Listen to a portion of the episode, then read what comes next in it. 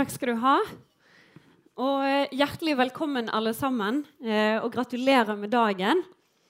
Jeg heter eh, Anne Sofie Lid Bergvall, og jeg jobber som kommunikasjonsrådgiver i Tankesmien Agenda. Det er veldig fint å se dere alle sammen her på dette arrangementet om et så viktig tema som kvinnehelse, som vi arrangerer som sagt, i samarbeid med Norsk Sykepleierforbund. Vi vet at kvinner opplever helt andre eh, helseproblemer enn menn gjennom livet. Vi har mer angst, vi har mer depresjoner, vi har mer kroniske lidelser enn menn. Vi er overrepresentert i statistikken over langtidssykemelding og uføretrygd. Og i tillegg vil de av oss som får barn, ha behov for en trygg fødsels- og barselsomsorg. Samtidig viser eh, en rapport fra Kilden kjønnsforskning og Norske kvinners sanitetsforening at vi vet altfor lite om kvinners helse og helseproblemer. Kvinners eh, sykdommer får færre forskningsmidler og mindre oppmerksomhet enn menns helse. Og vi ser at kvinner får ligge færre døgn på sykehus etter fødsel, får dårligere oppfølging etter spontanaborter. Syke eh, fødselsklinikker i distriktet legges ned, og de i byene er underbemannet.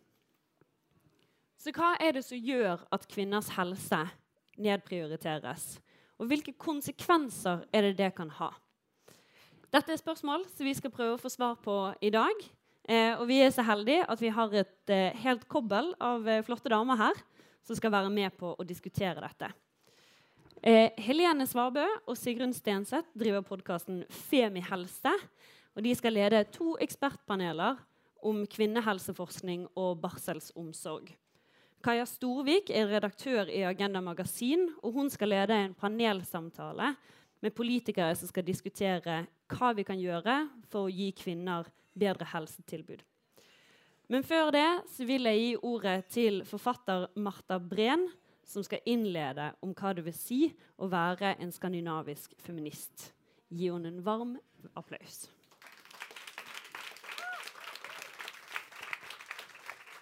Tusen takk. Tusen takk for invitasjonen hit. Gratulerer med dagen, alle sammen. Og veldig gøy for meg at jeg får lov til å komme hit og si noe om denne boka som eh, faktisk slippes i dag. Har vært og holdt eh, et foredrag om den på Litteraturhuset tidligere i dag og skal rekke et tog til Sørumsand Oi, det var mye lyd. Eh, skal jeg stå her, kanskje? Eh, om en halvtime. Så, så, 8. mars er den, mest, den travleste dagen for eh, forfatterfeminister. Eh, noen ganger så jeg lyst til å si når jeg, når jeg, må si nei takk, så sier jeg kan dere ikke arrangere et foredrag om feminisme på en annen dag i løpet av året også. Men nei, det er liksom denne dagen som gjelder. Um, Bakgrunnen for denne boka, eh, 'Hvordan bli en skandinavisk feminist', eh, er egentlig den forrige boka mi, som heter 'Kvinner i kamp'. En tegneserie som jeg har lagd sammen med Jenny Jordal som illustratør. Og eh, den lanserte jeg på denne scenen for nøyaktig to år siden. Og siden da så har eh, det fantastiske skjedd at den har blitt solgt til 27 eh, land.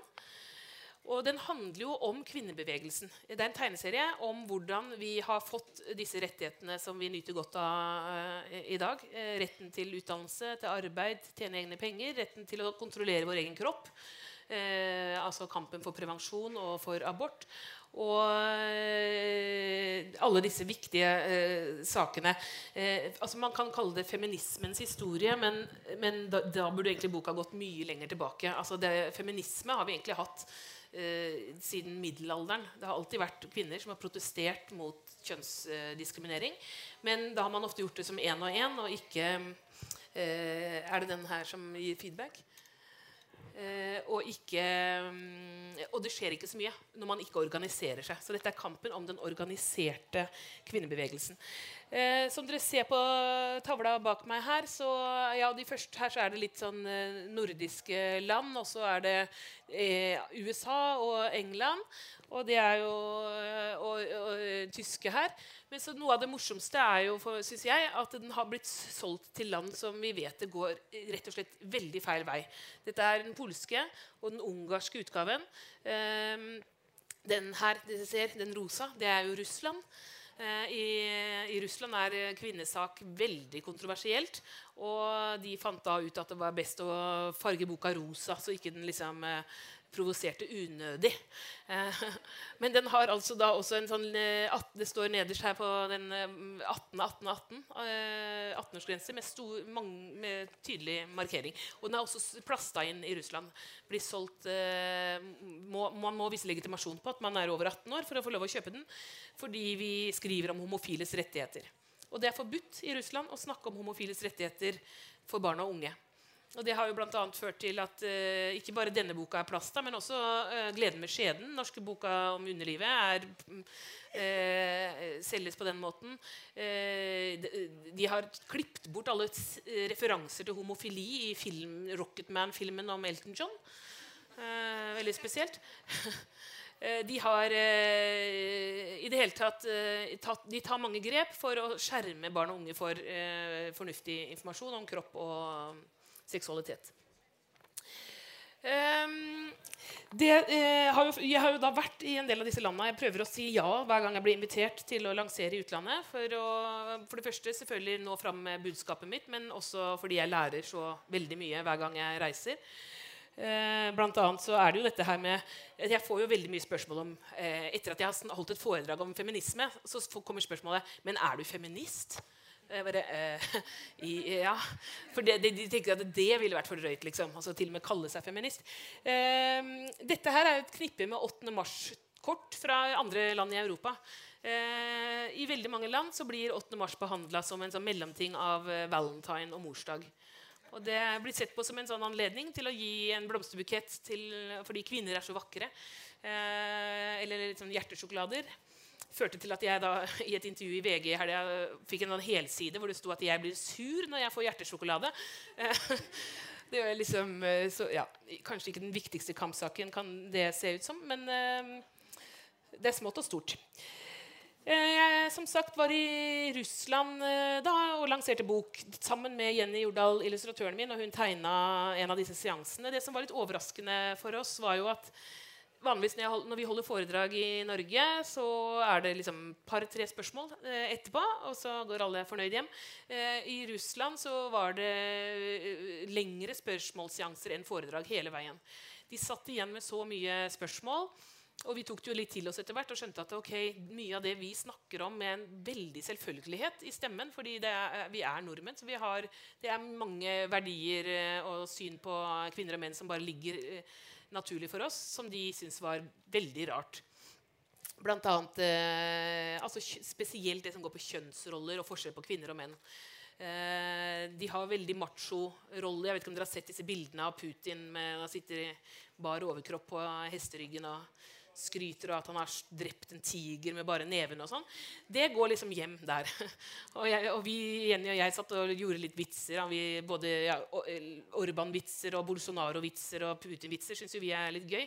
Men eh, er, de, de, ler, men veldig sånn nedi skjorta. Fordi det er ikke, dette er ikke politiske ledere med mye eh, selvironi. Det er faktisk ganske farlig å kritisere makta i mange land i nærheten av oss. Dette er noen spørsmål eh, som vi fikk når vi var på, i Russland. Da. først så snakka vi jo litt om at vi pleier å reise på videregående skoler og holde foredrag eh, med Kulturelle skolesekken. Og da var det spørsmålet men er det tillatt å snakke om feminisme for ungdom. For det eh, reagerte de på. Eh, fikk flere ganger spørsmålet hvordan reagerte foreldrene deres da når dere sa at dere var feminister. Det, ja, Mamma hadde blitt ganske skuffa hvis jeg ikke var feminist. Men det... Og så var det da dette triste her. Får dere mange trusler? Eh, noe vi heldigvis ikke får. Man kan få en del dritt og liksom, eh, her og der, men det, er, men det med, med, trusselbildet er et helt annet. Vi møtte eh, russiske ungdom. Det eh, var en jente på 15 år som, drev, som var eh, lesbisk og hadde starta en Facebook-side for å komme i kontakt med andre som turte å si at de var lesbiske i Russland. Den ble lagt ned av Facebook Russland hele tiden. Stengt, stengt, stengt.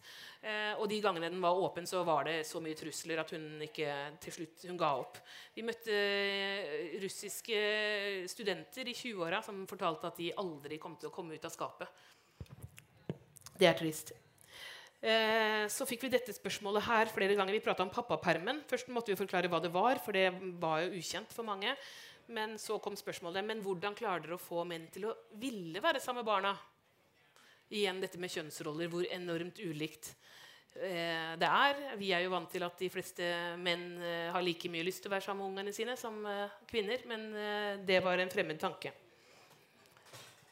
Så fikk vi dette spørsmålet en gang, og da klarte vi ikke klarte ikke Vi skjønte ikke Er det et problem å, få, å, kombinere det å være feminister og skrive bøker med deres personlige liv? Og da Ja.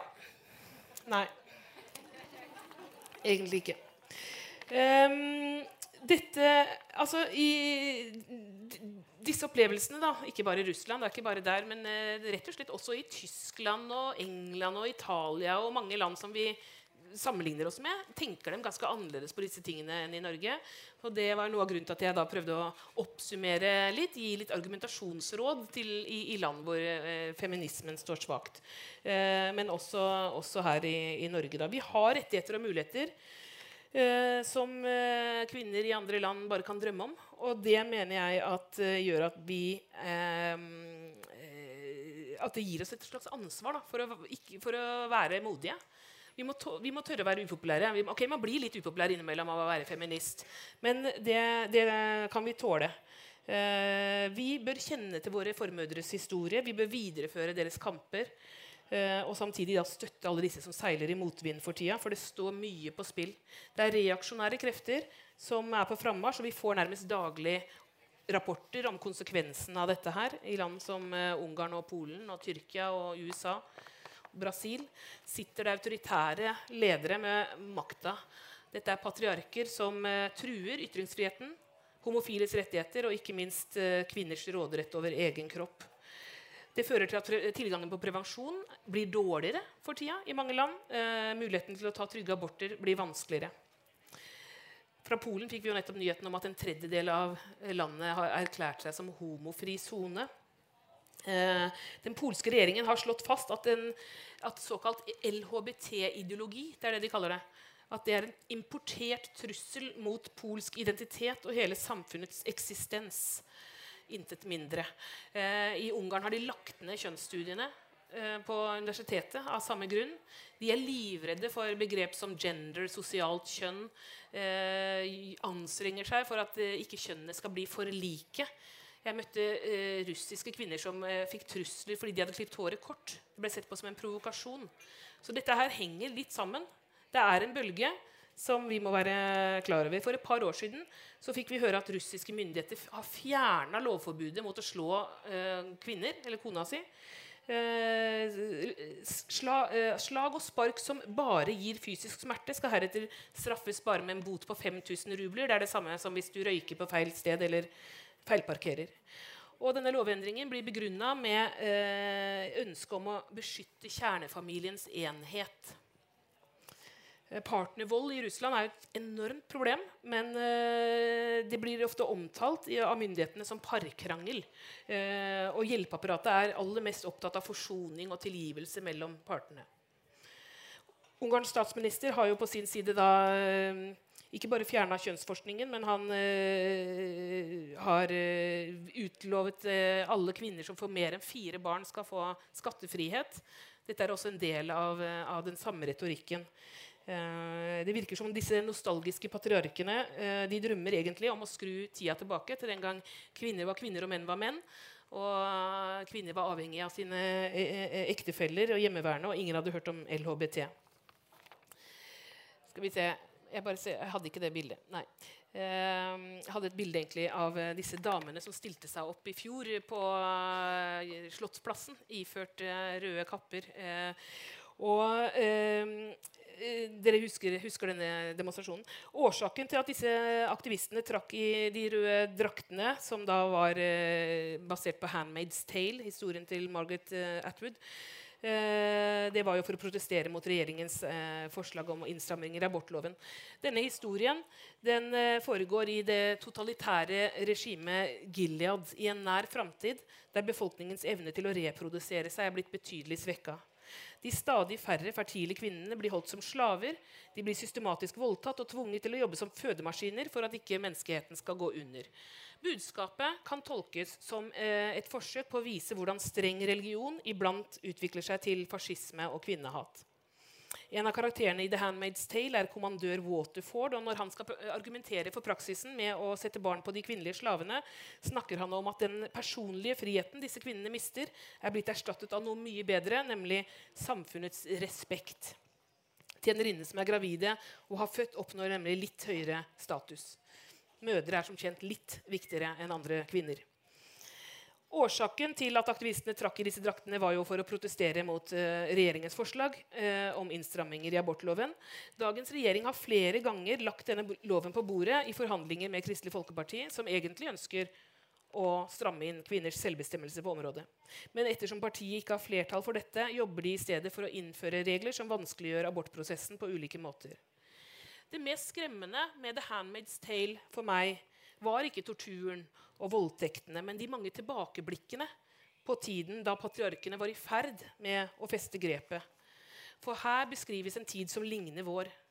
Kvinnene i fortellingen mista ikke sine rettigheter over natta. Det kom som små drypp. En ny regel her, en ny regel der.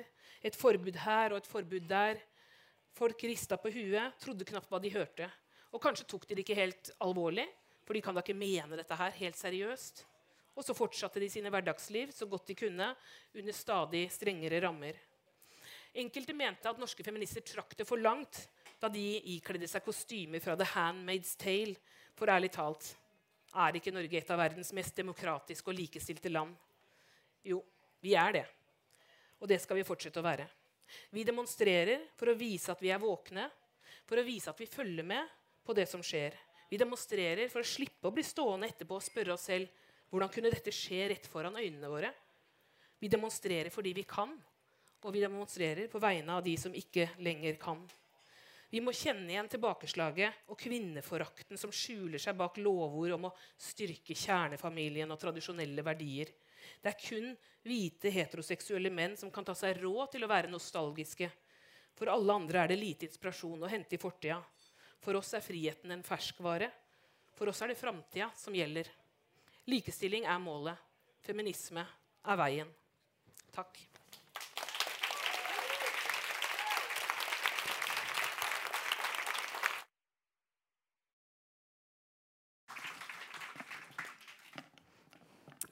Tusen takk, eh, Marta. Det var veldig inspirerende. Uh, vi er da Sigrun og Helene. Dette er Sigrun, jeg er Helene. Hallo. Podkasten Femihelse. Um, og til tross for at dette her er hvert fall ting jeg reflekterer over uh, med jevne mellomrom, så er det alltid fint med en påminnelse over uh, våre formødre og kampen de har uh, kjempet. Jeg kan jo fortsatt kjenne i enkelte diskusjoner at jeg syns det kan være vanskelig å si ja, men jeg er feminist uten å måtte komme med en lang liksom, forsvarstale etterpå.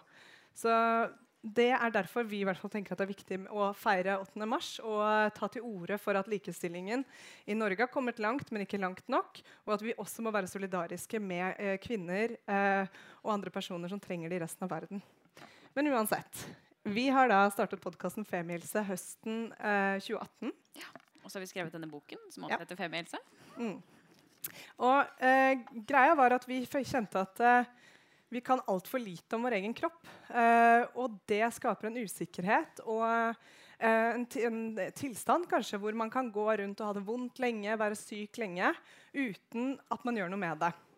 Og Det kan jo også bunne ut i det vi skal snakke om som neste tema, om forskning på kvinnehelse. Men vi tenkte i hvert fall at vi måtte ta tak. Så vi startet podkasten etter at uh, ja, basically så hadde jeg tatt en angrepille og lest pakningsvedlegget for første gang og skjønte at her har ikke jeg fått med meg noen ting om hvordan dette funker. Den forskyver faktisk eggløsning. Som var sånn, Hæ? Det burde ikke hete angrepille, det burde hete eggløsningsforskyvningspille. For da hadde jeg ikke stolt like blindt på den som jeg gjorde hvis jeg var rask nok til å ta den og tenkte at ja, ja, nå er jeg home safe. Så det der satte i gang masse samtaler i hvert fall mellom oss og hvordan det funket. Og som dere ser, så har jo Sigrun i hvert fall ikke skjønt hvordan det funker. Uh, uh, så vi begynte å snakke om uh, hvordan er eggløsning. Og så var det noen som da sa sånn Ja, men dere vet det slimet som kommer en gang i måneden i trusa, som er liksom litt sånn sparmlignende, det er jo eggløsningsslim. Det er det fertile utfloden Sånn, Hva? Kan man se på utfloden sin at man er i en fertil periode? Ok, Så vi bare skjønte at her er kunnskapen er ekstremt lav over ting som skjer med vår egen kropp hver eneste måned. Også de veldig sånn dagligdagse tingene, som Yes. kanskje er det mest provoserende. Ja. Så det vi fant ut av, er at vi laget da denne podkasten hvor vi inviterer eh, helsepersonell inn og tar for oss ett og ett tema og stiller alle de dumme spørsmålene som du kanskje ikke husker på og tør å stille når du ligger i gynekologstolen med sokkene på og håper at det andenebbet snart skal tas ut. Og det vi har lyst til, er at um, anerkjenne det at det er ting med kvinnekroppen som er helt fantastisk. Uh, vi har en syklus, men det er også kanskje litt mer mikk-makk. Eh, og det å snakke om at vi er annerledes, eh, vi som er, har en kvinnekropp, eh, men allikevel eh, gjøre rom for at det ikke gjør oss eh, inkompetente eller ikke skal eh, kjøre bil eller sitte på Stortinget. Men vi må komme dit, tenker vi, at vi kan få snakke om det og invitere inn gode helsepersonell til å få finne svar på det vi lurer på. Mm. Og når det kommer til det å stille spørsmål, eh, så opplever jo vi sånn i det daglige, eh, både når det er snakk om altså, dagligdagse ting, men også mer alvorlige ting, at det å klare å stille et spørsmål til det som har med egen kropp og helse å gjøre, ofte kan være ganske vanskelig. Eh, det er situasjoner hvor man føler, eller vi opplever ofte at vi har egentlig ikke språket til å snakke om eh, ting som har med kropp og helse å gjøre. Det er fortsatt mye som er tabubelagt for mange av oss. Eh, om det er fordi vi er redde for å være udelikate, eller bare for at vi er de eneste som sitter med disse spørsmålene. Uavhengig av grunnen, så, så er det i hvert fall vanskelig for oss. Mm. Eh, og det finnes jo helt ekstremt mye informasjon der ute. Eh, på internett, i bøker og kloke mennesker. Men å finne ut hva av den informasjonen som faktisk er relevant for meg, er ofte kjempevanskelig å sortere. Så det er litt det vi prøver å gjøre. Eh, oversette den informasjonen som er der ute, sånn at det oppleves som forståelig, relevant, og noe som gjør, kan, kan gjøre oss alle litt tryggere i egen kropp. For det må jo være målet. Ja. Så da vi lanserte podden, så var vi jo veldig spente på om vi var de eneste som ikke hadde fått med oss noen ting om vår egen kropp. Eh, heldigvis, men også veldig dessverre, så er det ikke sånn. Um, det er ganske mange som hører på podkasten nå, og det er jo veldig hyggelig. Uh, men en ting som er veldig bittersøtt for oss, er at vi får ukentlige meldinger fra uh, kvinner for det meste som har funnet ut ting om sin egen kropp som de ikke hadde funnet ut hvis de ikke hadde hørt på vår episode. Om for eksempel, Et godt eksempel er på det er om endometriose. Så vi eh, får ja, da ukentlige meldinger fra kvinner som sier ok, jeg har hatt eh, ekstreme mensensmerter siden jeg var tolv, og jeg har gått til ti forskjellige gynekologer, og alle sier sånn er det bare å være kvinne. Du er en som har litt sånn ekstra sterke mensensmerter. Sorry. Og så hører de på episoden med Tina Tellum, som er en forsker som er helt fantastisk, som har fått støtte av Norske kvinners sanitetsforening, og som har forsket på dette, og så skjønner de shit, det er det jeg har. Det her er ikke vanlig. Det skal ikke være sånn. Men uh, det skal vi snakke litt mer om uh, nå snart. Uh, fordi det som er frustrerende, er at nå har vi kommet til et punkt hvor det er heldigvis sånn at flere og flere får denne diagnosen, men det er ikke alltid hjelp å få. Så du får diagnosen, men deretter så stopper det litt opp. da. Og mye av det handler jo også om kompetansen hos eh, helsepersonell. Mm. Eh, kompetansen hos fastleger, hos sykepleiere, hos ja, de ja. som jobber med helse. Og jeg har faktisk lyst til å lese opp en melding som vi fikk her forrige uke mm. fra en fastlege. For da slapp vi en eh, episode om soppinfeksjon. Og hun skriver da til oss Tusen takk for en fantastisk bra podkast. Vi la, ja, vi la inn denne her. Var sånn. Ja. Um, Ta den første setningen en gang til. Hva var det hun sa? Tusen takk for en fantastisk bra podkast. Mm. Utropstegn, utropstegn. Ja. Um, er fastlege i mammapermisjon og har nylig oppdaget podkasten uh, deres og er helt frelst. um, utrolig nyttig for en fastlege at de stiller de spørsmålene som jeg kan få på kontoret til spesialister på området. Det er virkelig ikke alt som står i læreboka.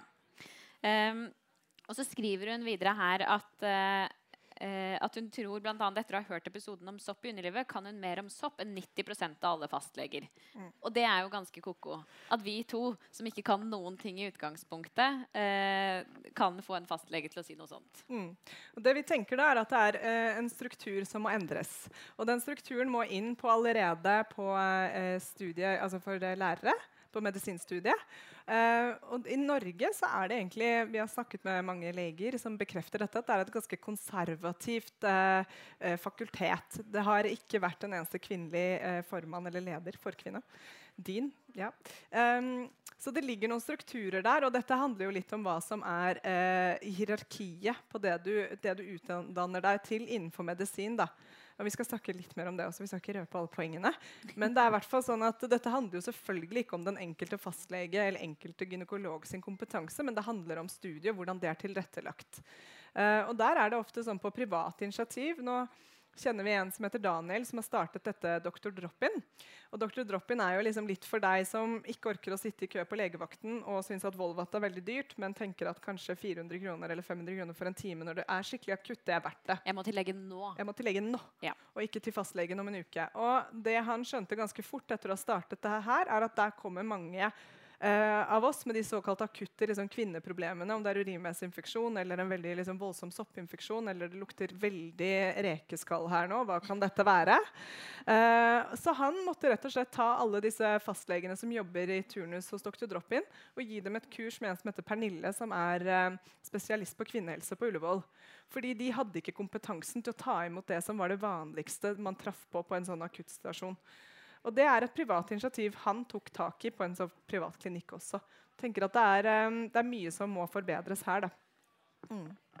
Men eh, nok om oss og nok om det. Ja. Eller, eller, la oss ta det videre. La oss ta det videre er kanskje for, bedre. Ja, mm. For uh, det begynner jo i at vi vet altfor lite om kvinnehelse. En ting er at vi som privatpersoner vet det, men på samfunnsnivå så vet vi altfor lite om kvinnehelse. Mm. Så da har vi veldig lyst til å ønske våre første gjester på scenen, hvor vi da skal snakke om forskning på kvinnehelse. Mm. Så velkommen Elisabeth Sverd, som er forskningssjef for Sanitetskvinnene, og Silje Naustvik, som er nestleder i Norsk Sykepleierforbund. Så gi dem en varm applaus. Skal vi sette oss litt sånn at vi alle ser ja, hverandre? det er lurt. Skal jeg du hopper et steg tilbake, Helene. Ja, det skal jeg gjøre. Bare greie å gi litt vann også. Ja, det er alltid godt. Det er godt. Ja. Eller øl var det vi sto og drømte om. Vi drømte om denne skummende ja. halvliteren vi så her. Ja, så. Den kan vi ta etterpå. Vi tar den etterpå. Ikke du da, Sigrun. OK. Ja. Vi kan jo egentlig bare begynne rett på. Ja. Fordi, eh, Hvordan står det egentlig til med forskning på kvinnehelse i dag? Ja, Det står jo ikke så veldig godt til, for å si det sånn. For det er jo, det er jo ikke så mange offentlige midler Nei som, eh, som, støtter kvinnehelseforskning. Og det gjør jo altså vi, har, vi har Nasjonalt forskningssenter for kvinnehelse ved Oslo universitetssykehus, som jeg sitter i referansegruppen til. Og de har 14,3 millioner øremerket i statsbudsjettet. Det betyr at de har igjen ca. 10 millioner til å forske på når det gjelder kvinners helse. Det er liksom det ene sånn store stedet. Og så er det er det noe naturligvis i Forskningsrådet altså, som, er for, som, er offentlige midler, men de er gjemt bort i ulike typer forskningsprogram. Og det er jo noe som vi Sanitetskvinnene har egentlig eh, kjempet for lenge. At det burde vært et eget forskningsprogram i Forskningsrådet. Sånn som man har gjort i andre land som Sverige osv. At du hadde, hadde skikkelig en ordentlig satsing på kvinnehelseforskning. da. Men hvorfor er det viktig, da? Altså, hvorfor skal man forske, altså, Kan man ikke bare forske på helse? Hvorfor er det viktig å forske på liksom, spesifikk kvinnehelse? Fordi er, Vi vet jo at det er veldig mye kunnskapshull som vi da ikke på en måte får gjort noe med. Mm. Og Det er jo det vi har identifisert nå da i denne rapporten som ble vist til innledningsvis i dag. Eh, hvor vi har satt sammen nestorer innenfor norsk medisin og helse. Og eh, utfordret dem til å se hvor er de store kunnskapshullene. Eh, og også gjennomgang av litteraturen for å se hva er det forskes på i Norge. Og så finner du der at det forskes jo ikke på overgangsalder. Det forskes ikke på at vi skal leve 30 år uten østrogen. Det forskes ikke på eh, sånne sykdommer som ligger lavt i det medisinske hierarkiet. Du var jo inne på det her i sted på endometriose. er jo en, Det 20% av norske kvinner har eller av kvinner i Norge, har endometriose. Mm. Og så er det noe da, som er enda verre, og det er jo det, disse som har vulvalidelser. Mm. Hvor det er kanskje noe av det mest skammelige og, og, og, og triste som fins, som i utgangspunktet har mye mye stigma og greier. Du går jo ikke, du går ikke rundt og forteller alle det at uh, du har eh, eh, hudsykdommer nedentil, liksom. Eller at du ikke kan ha Ja. vondt i tissen, ja, rett og slett. Vondt i tissen og ikke kan ha sex. Det er jo ikke noe du på en måte, du drar ikke opp dette. Så det er mange områder da, som, som vi bør vite veldig mye mer om. Og så har vi jo da altså Kvinnehelse er jo mer enn reproduktive organer, altså bikinimedisin. Eh, vi har 90% av alle raumatiske lidelser er stort sett kvinner. ikke sant? Det er både der hvor kvinner dominerer, men også der hvor kvinner har andre symptomer enn menn, er viktig å få kunnskap om. For det er ikke brystkreft som kommer til å ta livet av oss. Det er hjerteinfarkt som kommer til å ta livet av oss, og det kommer vi til å få når vi er når får, Vi får det ti år senere enn menn, og kanskje med helt andre symptomer. Eller ikke kanskje, ofte med helt andre symptomer enn hva menn har. Er det mindre mm, er lavere på rangstigen å, å forske på kvinnehelse eller være spesialist i kvinnehelse? Altså, det som har høy på en måte det, altså Rundt fødsel og barsel og den type gynekologi så er det ganske Det ligger ganske høyt oppe. Men det er jo ikke blålysmedisin, dette. Altså Det her er på en måte Og blålysmedisin er det type sykdom som du dør av med en gang. Det er sånn sykdom du dør av Ja. med en gang. Ja. Hjerteinfarkt hvor du kommer inn og blir på en måte behandlet, og så kommer du ut og du har overlevd, liksom. Eller, eller en eller annen nevrokirurgisk altså, Jo høyere du kommer i kroppen, jo høyere, høyere status har, har, jo, har jo den lidelsen, den sykdommen du har. da. Eh, og det, det er klart at det er, det er utfordrende, det. Vi trodde jo at det skulle bli bedre når, når medisinen er fullt med jenter. Eh, og vi er vel, nå, nå er det vel en sånn 80-90% på medisinerutdanningen er vel jenter i dag. Eh, men allikevel så mangler det jo kvinner i akademia på toppnivåene. ikke sant? De finnes jo ikke som professorer. Det finnes jo professorer, det er ikke det, men det er veldig få. da. Nei, Eh, og nå mister vi- ja, Nå mister vi den ene professoren i kvinnehelse som vi har ved, ved St. Olav, altså på NTNU i Trondheim, eh, Berit Skei. Hun mister vi nå, hun går av med pensjon. Og så på Universitetet i Oslo så mister vi Johanne Sundby, som er professor i global eller, kvinnehelse. Og det er ingen planer her ligger ingen planer om at disse skal videreføres. Og de skal jo ikke fornyes, disse stillingene. Nei, de skal ikke fornyes. Og det er jo også Vi burde jo hatt en professor i kvinnehelse på alle universitetene i Norge. Ikke sant? Det burde vi. Så ja, nei, det er eh, mye, mye jobb å gjøre for å få opp både statusen og, og arbeidet rundt kvinnehelse. For mange av de vi snakker med, da, det er jo første liksom, baugen i, i, i det som føles ut som tabusykdommer, om det er smerter i underlivet eller uh, store mensensmerter som alle i familien din har, som man tenker at hos oss er det vanlig å svime litt av og kaste litt opp når man har mensen. Ja. Um, men når du først har skjønt at ok, her, dette jeg trenger ikke å være sånn, jeg trenger ikke å ha det vant til å, bli, til å, vant til å ha det vondt, så er det det å få en diagnose kan være veldig en sånn psykisk liksom, lettelse. Men når det da ikke fins noe behandling, bortsett fra for endometriose for eksempel, å gå på hormonprevensjon, eller, ja, så er det jo også superfrustrerende. Du kommer liksom hit, og så ikke lenger. Som jo er noe, det er ikke noe du dør av, men det er noe som nedsetter livsgleden. da. Definitivt. Og akkurat når det gjelder endometriose og adenomyose, da, som er noe av det samme, bare at da vokser den slimhinnen inn i livmoren. Eh, og du får, du får det når du er litt eldre. Men det som har skjedd, det er jo det at man har jo ønsket å lage et eh, nasjonalt senter for disse typer sykdommene ved Oslo universitetssykehus. Og så har man jo bedt eh, helseregionene om å bli enige om at det skal bli et sånt nasjonalt senter. Og det har man da fått eh, støtte for i Helse Nord og Helse Midt, og så sier Helse Vest nei. Og hva skjer da? Da blir det ikke noe, da blir det ikke noe senter. ikke sant? Og da, hvem er det som da taper på det? Det er jo pasientene. Det er disse kvinnene som hadde hatt så behov for et behandlingssenter hvor man virkelig kunne komme til spesialister med en gang, istedenfor å gå som man tror Eller ikke tror, man har vist at du kan gå ca. syv år før du får diagnosen endometriose. Men Hva er da grunnen til at Helse Vest velger å si nei? Nei, De vil jo ha det til seg. Ikke Ja, de Dette er sånn klassisk faglig eh, kamp mellom miljøer. Eh, og denne Tina Tellum som du nevnte i sted, hun er jo, er jo den spesialisten som vi har ved, ved Ullevål, eller ved Oslo universitetssykehus. Og det er jo mange flere spesialister rundt der. Og Endometrioseforeningen var jo med på å gi støtte til dette. så pasientorganisasjonen eh, også. ikke sant? Men allikevel så, så, har ikke Helse Sør-Øst gått videre med denne søknaden fordi Helse Vest ikke kan være med.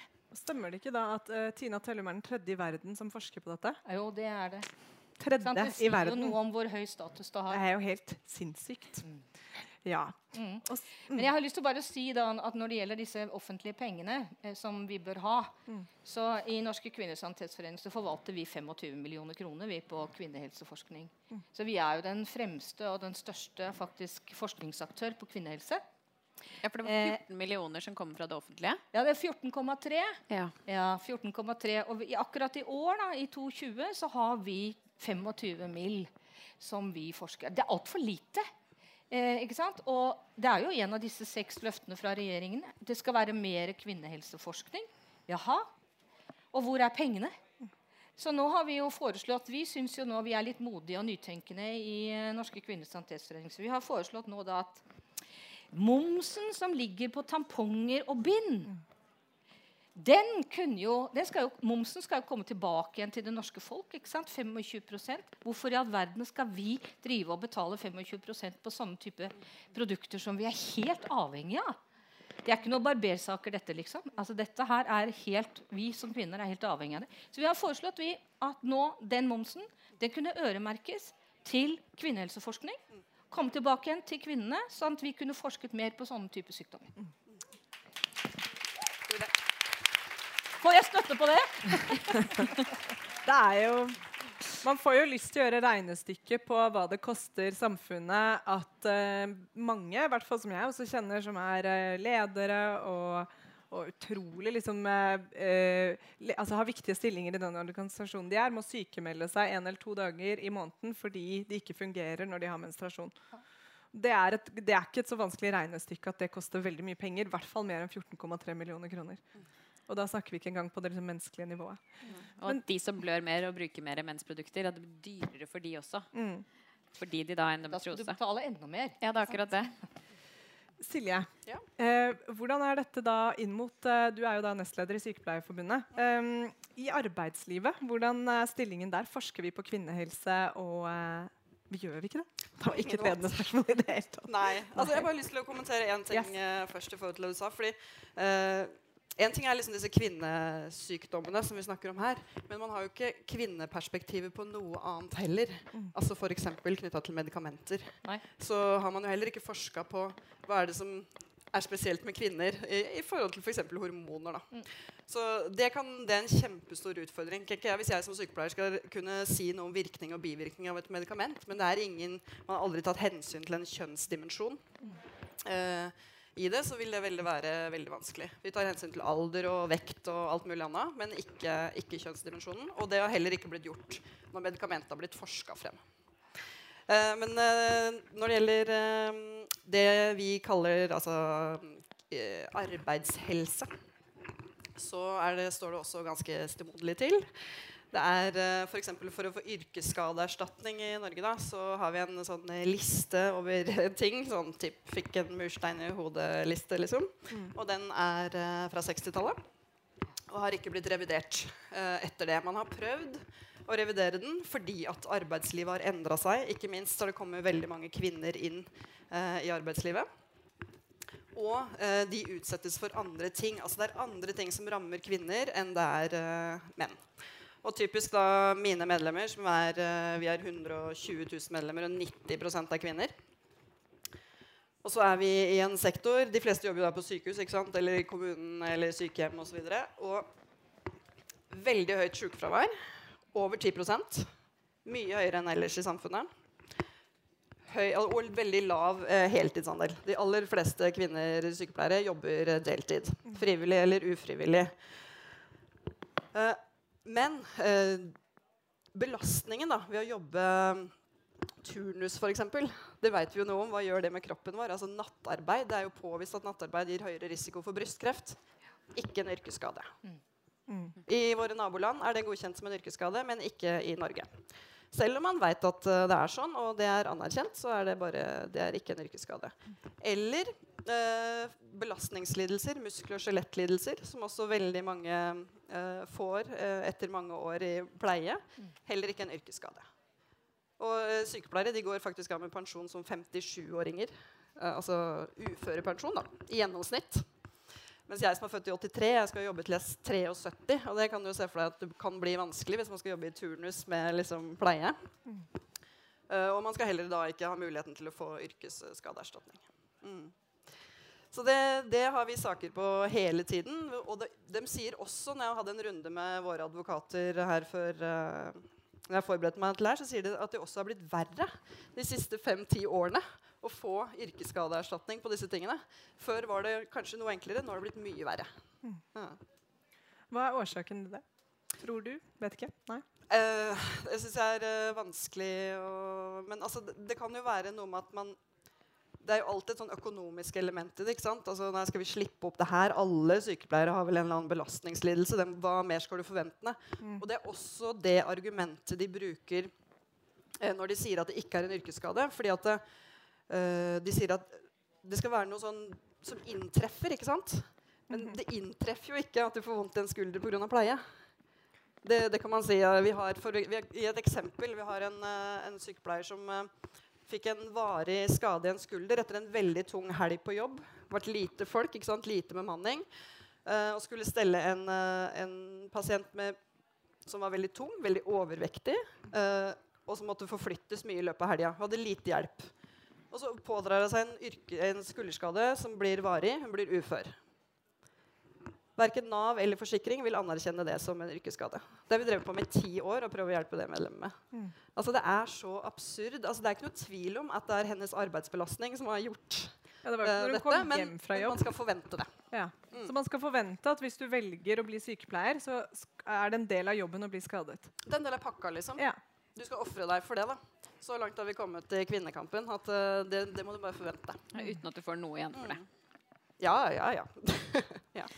Sånn, avslutningsvis er det jo spennende å, å, snakke litt om dette. Altså, før jul så lovet jo regjeringen mer penger til forskning på kvinnehelse. Og nå er det også blitt vedtatt at det skal bli gjort en, en undersøkelse på hvorvidt vi trenger mer forskning og mer ressurser til kvinnehelse. Mm. Eh, altså, er det godt nok? Kan dere si noe? Tror dere det kommer til å skje? Nei, igjen det der med de, altså Regjeringen leter jo med lys og lykte etter frie midler nå til kvinnehelseforskning. Altså det er jo ingen tvil om. Og så har jo vi foreslått dette her med bind og sånn. ikke sant? At det kunne være en måte å finne. Men nå har jeg hørt rykter om da, at Forskningsrådet leter også blant sine programmer. Og de har frontet at det kommer 60 millioner til høsten. De har sagt det så er det jo ikke noen friske, nye penger. Dette Dette betyr jo noe at noen av disse offentlige programmene i Forskningsrådet faktisk har fått litt for mye penger. Mm. Istedenfor å se at man da kunne hatt et eget forskningsprogram. Mm. Så hvis vi skal legge dette her sammen på disse seks løftene Og det er jo mye bra av de seks løftene, definitivt. Eh, men så kommer det en NOU og den siste NOU-en på kvinnehelse For de som ikke vet hva det er, kan du ikke si ja, det? Norges offentlige utredninger mm. står NOU-er for. Og det er jo utredninger som gjøres rundt situasjoner. Eh, det kommer en på føde barsel, eh, og det kommer en på, på kvinnehelse. Og den siste som ble gjort i kvinnehelse-NOU, var i 1999. Ikke og, lenger siden, nei. Ikke, nei, det er ikke lenger siden. Mm. Og det er jo også noe vi har vist. Vi tar jo dette som en stor seier, for vi har virkelig presset uh, politikere på det veldig veldig lenge. Og nå kommer den NOU-en. Men det er som Johanne Sundby sa, som er professor ved Universitetet i Oslo, og, og var sekretær for den første NOU-en i 1999, hjelper ikke med en NOU hvis ikke det kommer tiltak. Ikke sant? At det kommer stortingsmelding ut av det. At det kommer tiltak og aktiviteter ut av en utredning. Så det er fine signaler. Mm. Veldig fine signaler, men det, måte, det er, vi må et stykke fra disse signalene til at det skjer noe, at det kommer tiltak. Da. Så har vi jo gjort en ny rapport som kommer nå, eh, 17.4, sammen med Kilden kjønnsforskning. Hvor vi har sett på Først så vi på hvor er det hull i kvinners helse.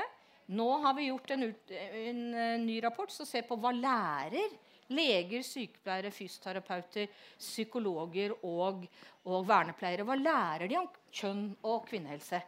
Og Det skal vi smelle ut den 17. april. Og det er jo ingen overraskelse da å si innledningsvis at de lærer jo ingenting heller. Mm. Så da, dette er jo liksom fremtidens helsepersonell da, som skal ta hånd om oss.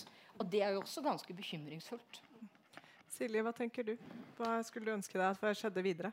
Nei, jeg tenker at vi, vi, er utrolig avhengig av sånne organisasjoner, men også NSF, som er veldig tydelige, tydelige på dette. Vi har også vært med og veldig forkjempere og pressa frem den NOU-en. Dette er utrolig viktig på veldig mange områder. Kvinnehelseperspektivet, arbeidskvinnehelseperspektivet. Mm. Men også fordi at vi er, altså, det handler jo om hele samfunnsstrukturen vår. Mm. Altså, det, er jo ikke bare, det handler ikke bare om oss. Det handler jo om hvordan uh, barna våre skal vokse opp, eller uh, liksom, uh, også den andre halvdelen av befolkningen. Så jeg tror vi må snakke høyt om det. Da hjelper rett og slett sånne ting som podkasten deres, da, som blir populær. Det, det betyr noe, faktisk. Mm. Og med 120 000 medlemmer som du har, og de 42 000 medlemmene som jeg har, mm. så kan vi slå alt dette her sammen. Mm. Og da er vi vel kanskje hvor Blir det sånn seks ganger Kristelig Folkeparti eller noe sånt? Ja, ikke sant? ja, det hjelper. Ja. Vi har jo eh, diskutert også oss imellom og, og rundt at det er jo også frustrerende at det føles ut som en sånn kvinnesakskamp. Mm. For dette går utover hele samfunnet. Det går utover familier, eh, ikke minst. Uh, og Undertittelen på boken vår er at dette er en bok for uh, alle som har en kvinnekropp, eller kjenner de som har en. Mm. Og det er det samme med kvinnehelse. Uh, det går veldig utover kjæresten min uh, hvis ting ikke er helt som det skal med meg. Eh, selv om han ikke kjenner på det samme. Og det kjæresten din og arbeidsplassen din, oh, ja, ikke minst. Ikke minst arbeidsplassen. Får kjenne det. Og det, vi, det, er noe med retorikken og hvordan vi kan jobbe med dette fremover. Vi var så heldige å bli invitert til Høyre kvinnehelseseminar forrige uke for å få lov til å si hva vi mente der. Mm. Bare kvinner som sitter og hører på. Ja. Og det er noe som jeg tenker at alle, eller i hvert fall vi, prøver å fundere litt på. da. Hvordan gjøre dette til en samfunnssak, en, en, strukturell sak som vi skal diskutere, og som ikke blir noe bare oss kvinner imellom. Mm. For dette angår alle. Ja, jeg, jeg, tror det er utrolig viktig hvis man skal vinne frem. fordi at det går ikke an å um, Altså, vi, vi, kommer aldri til å løse utfordringene hvis du ikke klarer å mobilisere andre. Og det er jo litt uh, altså, mm. kanskje, kanskje, burde dere invitere dere tilbake til Høyre da, altså for å møte hele stortingsgruppa. Og de må også tørre å, å høre at man snakker om mensen og endometrose. Liksom. Det, det, har, det, tåler dem. Vi har blitt invitert på landskonferansen, og der skal ja. vi kun snakke om utflod og mensen. Ja. Høyt. men, men, til dette her med å løfte, ikke sant. Eh, ja, så kan man også ta den der Jeg er litt opptatt av denne her momsen på mensproduktene mm. nå. Jeg tenker at det er en ganske sånn er, disse kampene har jo vært før, det er ikke det. Men altså, nå er vi på en måte, kan, kan vi presse litt det. Så tror jo folk at man slutter å menstruere når man er 25 år. Mm. Dette er jo samfunnsøkonomi. Dette her er jo søren meg familieøkonomi. Disse mennene som du etterlyser, det her er altså da utgangspunktet kvinner med menstruasjon inn i familielivet i mange mange år. Ikke sant? Og tenk hvor mye penger du bruker på disse produktene. Mm. Så det tenker jeg at menn bør også involvere seg i. Ikke sant? Og Sånn må vi tenke, løfte litt i forhold til dette med, med, kvinnehelseforskning også. fordi når du har det bra, så har din partner og din mann det bra også. Og de fleste menn har faktisk en mor. Ja, sånn er det. Veldig bra. Tusen takk skal dere ha. Takk skal du ha.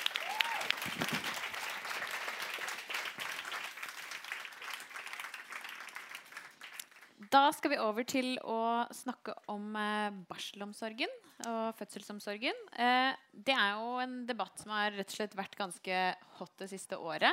Eh, fødeavdelinger over hele landet har blitt nedlagt. Det oppleves til tider litt som en konkurranse på om kortest mulig liggetid på fødeavdelingene og sykehus før du skal hjem og, og klare deg sjæl. Eh, Bunadsgeriljaen har jo virkelig vært i vinden det siste året. Så nå gleder vi oss til å diskutere dette med Kristin Holanger, som er da nestleder i Jordmorforbundet. Velkommen.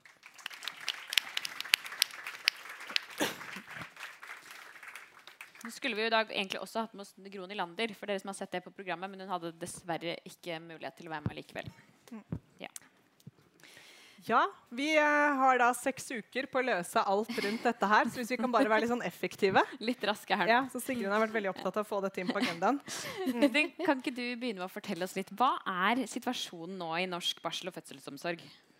Det kan jeg gjøre. Først og fremst så tenkte jeg skulle nevne at uh, eh, WHO har i år bestemt at 2020 er the year of the nurse and midwife. Og det er vi veldig takknemlige for. Uh, det internasjonale jordmorforbundet har i den sammenheng lagd en kampanje som heter hashtag with women. Fordi det er også litt av det nå 8. mars handler om. At man står sammen om det som er viktig innenfor kvinnehelse. Og vi tenker at jordmødres jobb er å kjempe for kvinnehelse og sammen med kvinner. For da får vi til mye. Ellers er det jo mye å ta tak i om dagen. Det er et stort spørsmål dere stiller. Eh, så jeg skal gå litt igjennom hva vi vet. Eh, Riksrevisjonen hadde en rapport nå i november i 2019. Det Hovedfunnet i den var at helseforetakene har store utfordringer med å rekruttere og beholde spesialsykepleiere og jordmødre. Blant jordmødre og spesialsykepleiere så jobber to av tre deltid, som Silje var innpå her. Eh, bemanningsutfordringene påvirker hvordan de ansatte opplever kvaliteten på pasientbehandlingen. Og helseforetakene legger ikke godt nok til rette for å lage heltidskulturer og beholde jordmødre og spesialsykepleiere. Og de har heller ikke noe eh, god plan for å sikre rekrutteringen i framtiden. Og så har vi Helseatlas og brukerundersøkelsen PassOpp. Og det viser for landet som helhet at det er en tendens til at kvinners erfaringer fra fødeavdelingen er mer positiv enn erfaringen fra barseloppholdet. Eh, det som også er interessant, er at kvinner med noen av de mest dramatiske fødselsopplevelsene er ekskludert fra deltakelse i disse undersøkelsene. For det er kun de som rakk fram til fødeavdelingen i tide, og de som fødte levendefødte barn, som får delta. Og det gir jo ikke et korrekt bilde av norsk fødselsomsorg når kvinner som ufrivillig føder før de når fram til fødested eller mister barnet sitt under fødselen, utelates. Og selvfølgelig skulle de vært inkludert. Og forskning på kvinner som har født under transport, viser alvorlige funn. Både økt risiko og til dels traumatiske fødselsopplevelser. Og dette er alvorlig, det, og deres stemme må bli hørt på nasjonale undersøkelser. Og så har vi en medlemsundersøkelse, også fra slutten av fjoråret, eh, hvor vi ser at 94% har ansvar for andre pasienter, samtidig som de har ansvar for en som er i aktiv fødsel. Og over 50% av jordmødrene har vurdert å slutte pga. arbeidspresset de opplever på arbeid. Og 20% av jordmødrene har redusert stillingen sin av samme årsak. Og det vi ser i fritekstbesvarelser, det er at ressursmangel får store konsekvenser. Og da spesielt for postpartum. Det betyr da etter fødsel. Mm. Eh, med eh, suturering og urinretensjon, at de ikke klarer å tisse og ved barselavdelingene, hvor da kvinner og barn ikke får tilstrekkelig oppfølging. Eh, så har nå i disse dager Helsedirektoratet hatt et oppdrag for helseministeren og en arbeidsgruppe som har sett på endringer i fødselsomsorgen og konsekvenser for bemanning og finansiering. Og der venter vi jo veldig spent på oppfølgingen og tiltak fra den. Hva tror du? Jeg tenker at noe må skje. Ja, det høres jo veldig sånn ut. Jeg er optimist, for ja. jeg tenker at dette her må vi bare fikse. Mm. Og det tror jeg vi skal klare. Mm. Um, ellers så er det jo Det har vært en del i media om følgetjeneste uh, og noe om finansiering av jordmortjeneste både i kommune og sykehus. Uh, fødselsomsorgen den er underfinansiert. Dette gir seg utslag i et ønske om å stenge små og mellomstore fødeavdelinger periodevis og for godt, samt å nedbemanne de store fødeklinikkene. Og det er en sterk økning i avvik og sykefravær kombinert med at våre jordmødre forlater yrket det er klare tegn på at bemanningen på de store fødeavdelingene langt fra er tilstrekkelig per i dag. Og dagens finansieringsmodell fungerer litt mot sin hensikt, fordi god kvalitet i fødselsomsorgen er dårlig butikk. På den måten at fødeavdelinger med få komplikasjoner straffes med færre inntekter. Og samsvar mellom arbeidsoppgaver og ressursene mangler. Og det økte arbeidspresset har ført til at jordmødre på de store fødeavdelingene da ikke orker mer og de søker seg bort, da, og da mister de verdifull kompetanse. Mm.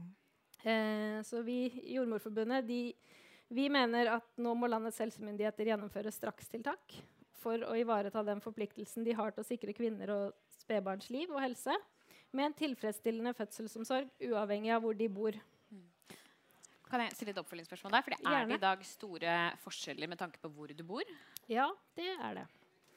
Um, har, jeg kommer litt uh, mer inn på det egentlig også. fordi det viser jo f.eks. Helseatlas at det er geografiske forskjeller i hvilket tilbud du har. Mm. Uh, F.eks. med situasjonen med manglende følgetjeneste og at flere har fått lengre reisevei. Det er alvorlig, for det er jo lagt ned allerede mange fødeavdelinger. Og da har ikke kvinner i Norge lenger et likeverdig fødetilbud.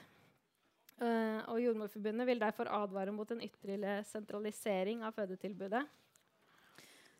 For hva betyr denne sentraliseringen av fødetilbudet? Det hvis, betyr, hvis en skal forklare det litt enkelt, så betyr det at man da tenker at man skal uh, selektere og samle fødsler til store klinikker. I noen grad så er det Tanken bak det er vel også da at man skal lage uh, større fagmiljøer. Mm. Men ikke, vi må også huske på at kvinner skal ha nærhet til fødetilbudet. Så vi kan ikke, alle kan ikke føde på samme sted. Det er ikke mulig. Og vi må ha et tilbud som er tilgjengelig for alle i hele Norge. Og det fødes jo ca. 55 000 barn i Norge. Og det har skjedd store endringer i fødsels- og barselomsorgen. Eh, liggetiden på sykehusene er redusert betraktelig de siste ti år. Og samtidig så er det um, en økning i gjennomsnittsalder for førstegangsfødende. Den er nå rundt 31 år. Og BMI hos gravide går opp, og det er flere med alvorlige grunnlidelser. Dette kommer det også til å stå mer om i den rapporten som Helsedirektoratet holder på med nå. Mm. Og det gir økt risiko for komplikasjoner både før, under og etter fødsel. Og det krever økt innsats i fødselsomsorgen, både i primær- og spesialisthelsetjenesten, mm. for å klare dette. Um, og så har dere kanskje hørt en del om dette med én-til-én-omsorg av jordmor for kvinner i aktiv fødsel. Det mener vi er en av de viktigste kvalitetsindikatorene for en trygg fødselsomsorg. Det betyr at du da kontinuerlig, har kontinuerlig tilstedeværelse av jordmor mens du er i aktiv fødsel. Og det vil kunne redusere komplikasjoner, instrumentelle forløsninger og keisersnitt. Ja, det høres jo ut som et minimum at når mm. du er i aktiv fødsel, at det skal være en jordmor sammen med deg. Det burde være et minimum. Men sånn er det ikke i dag. Ikke nødvendigvis. Nei. For en jordmor kan ha flere fødende på en gang? da? Ja, da er det jo da 94% som svarer i vår undersøkelse at de har det. Mm. Så det tenker vi ikke er greit. Jeg tror vi skal Det går bra. Men ja. Kan være med deg, jeg. Ja. Det er hyggelig. Kan du kanskje også være med? Du er jordmor, ja, har du det? Ja. Mm. Men vi ser at det, NSF ser at det er helt nødvendig å oppbemanne avdelingene, sånn at det kvalitetskravet kan følges, mm. og at det er mulig. Og det som også skjer ikke sant, fra f.eks.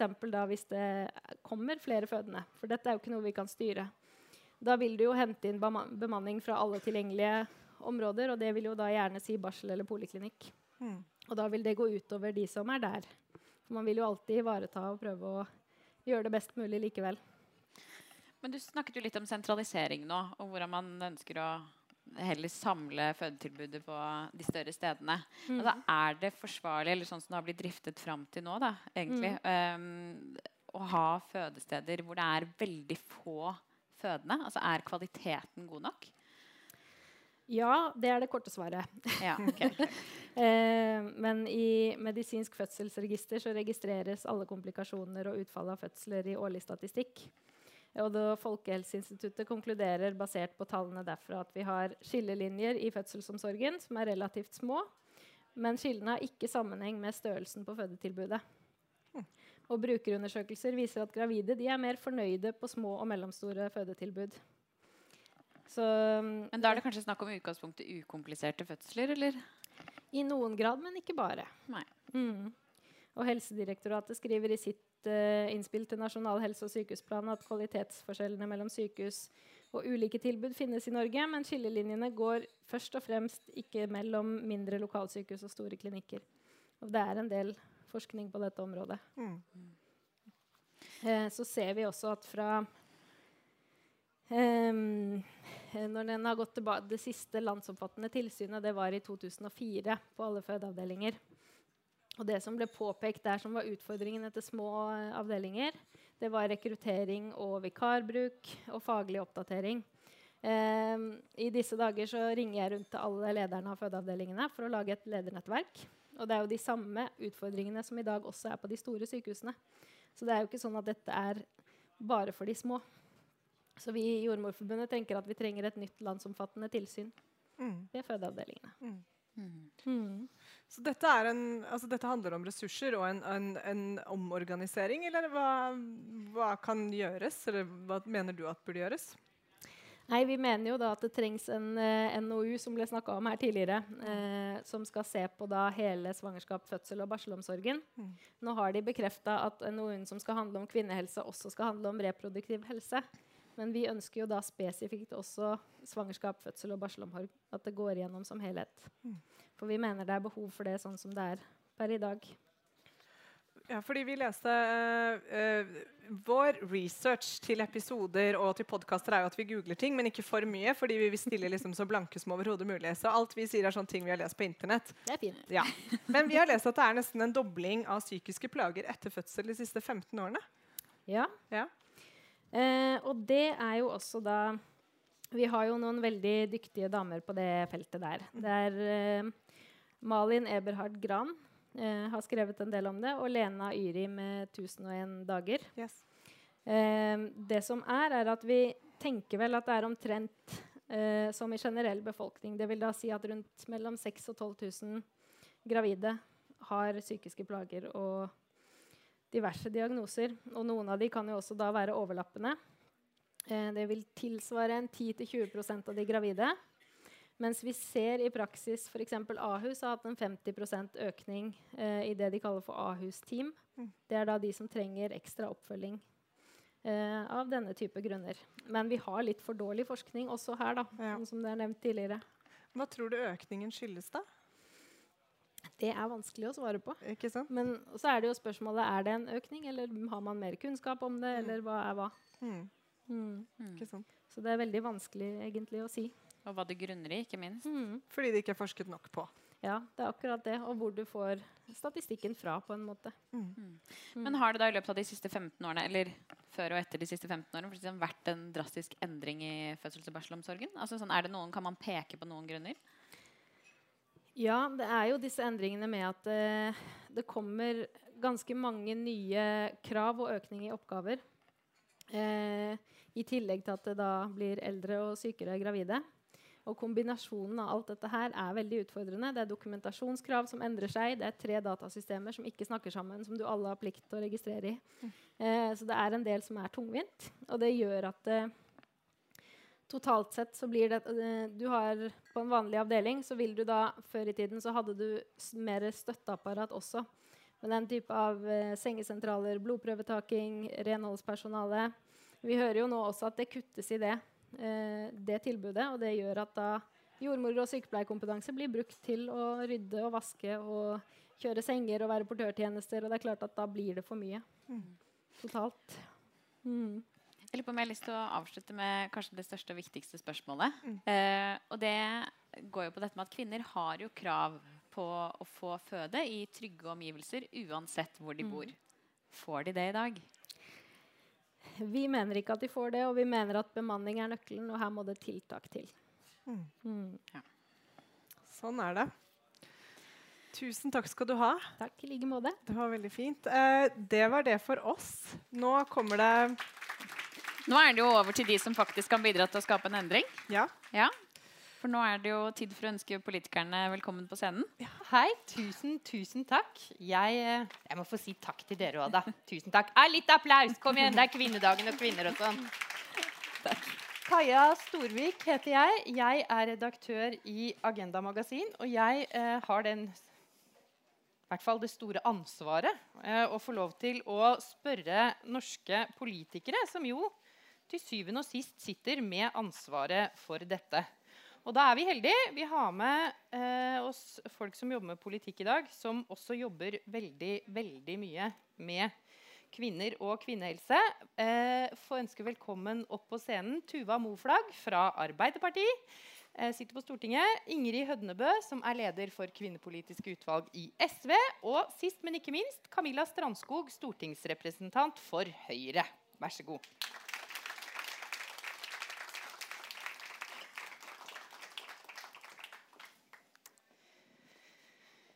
Ja.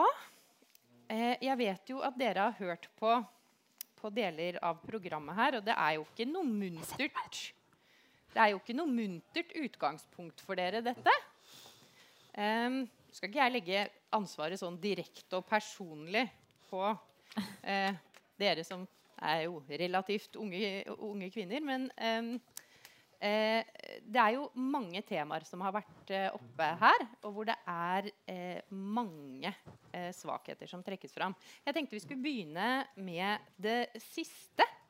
eh, som handler om dette med barselomsorg og fødsler i Norge. Og du kommer rett fra et 8. mars-arrangement et annet sted, så du kom akkurat løpende inn.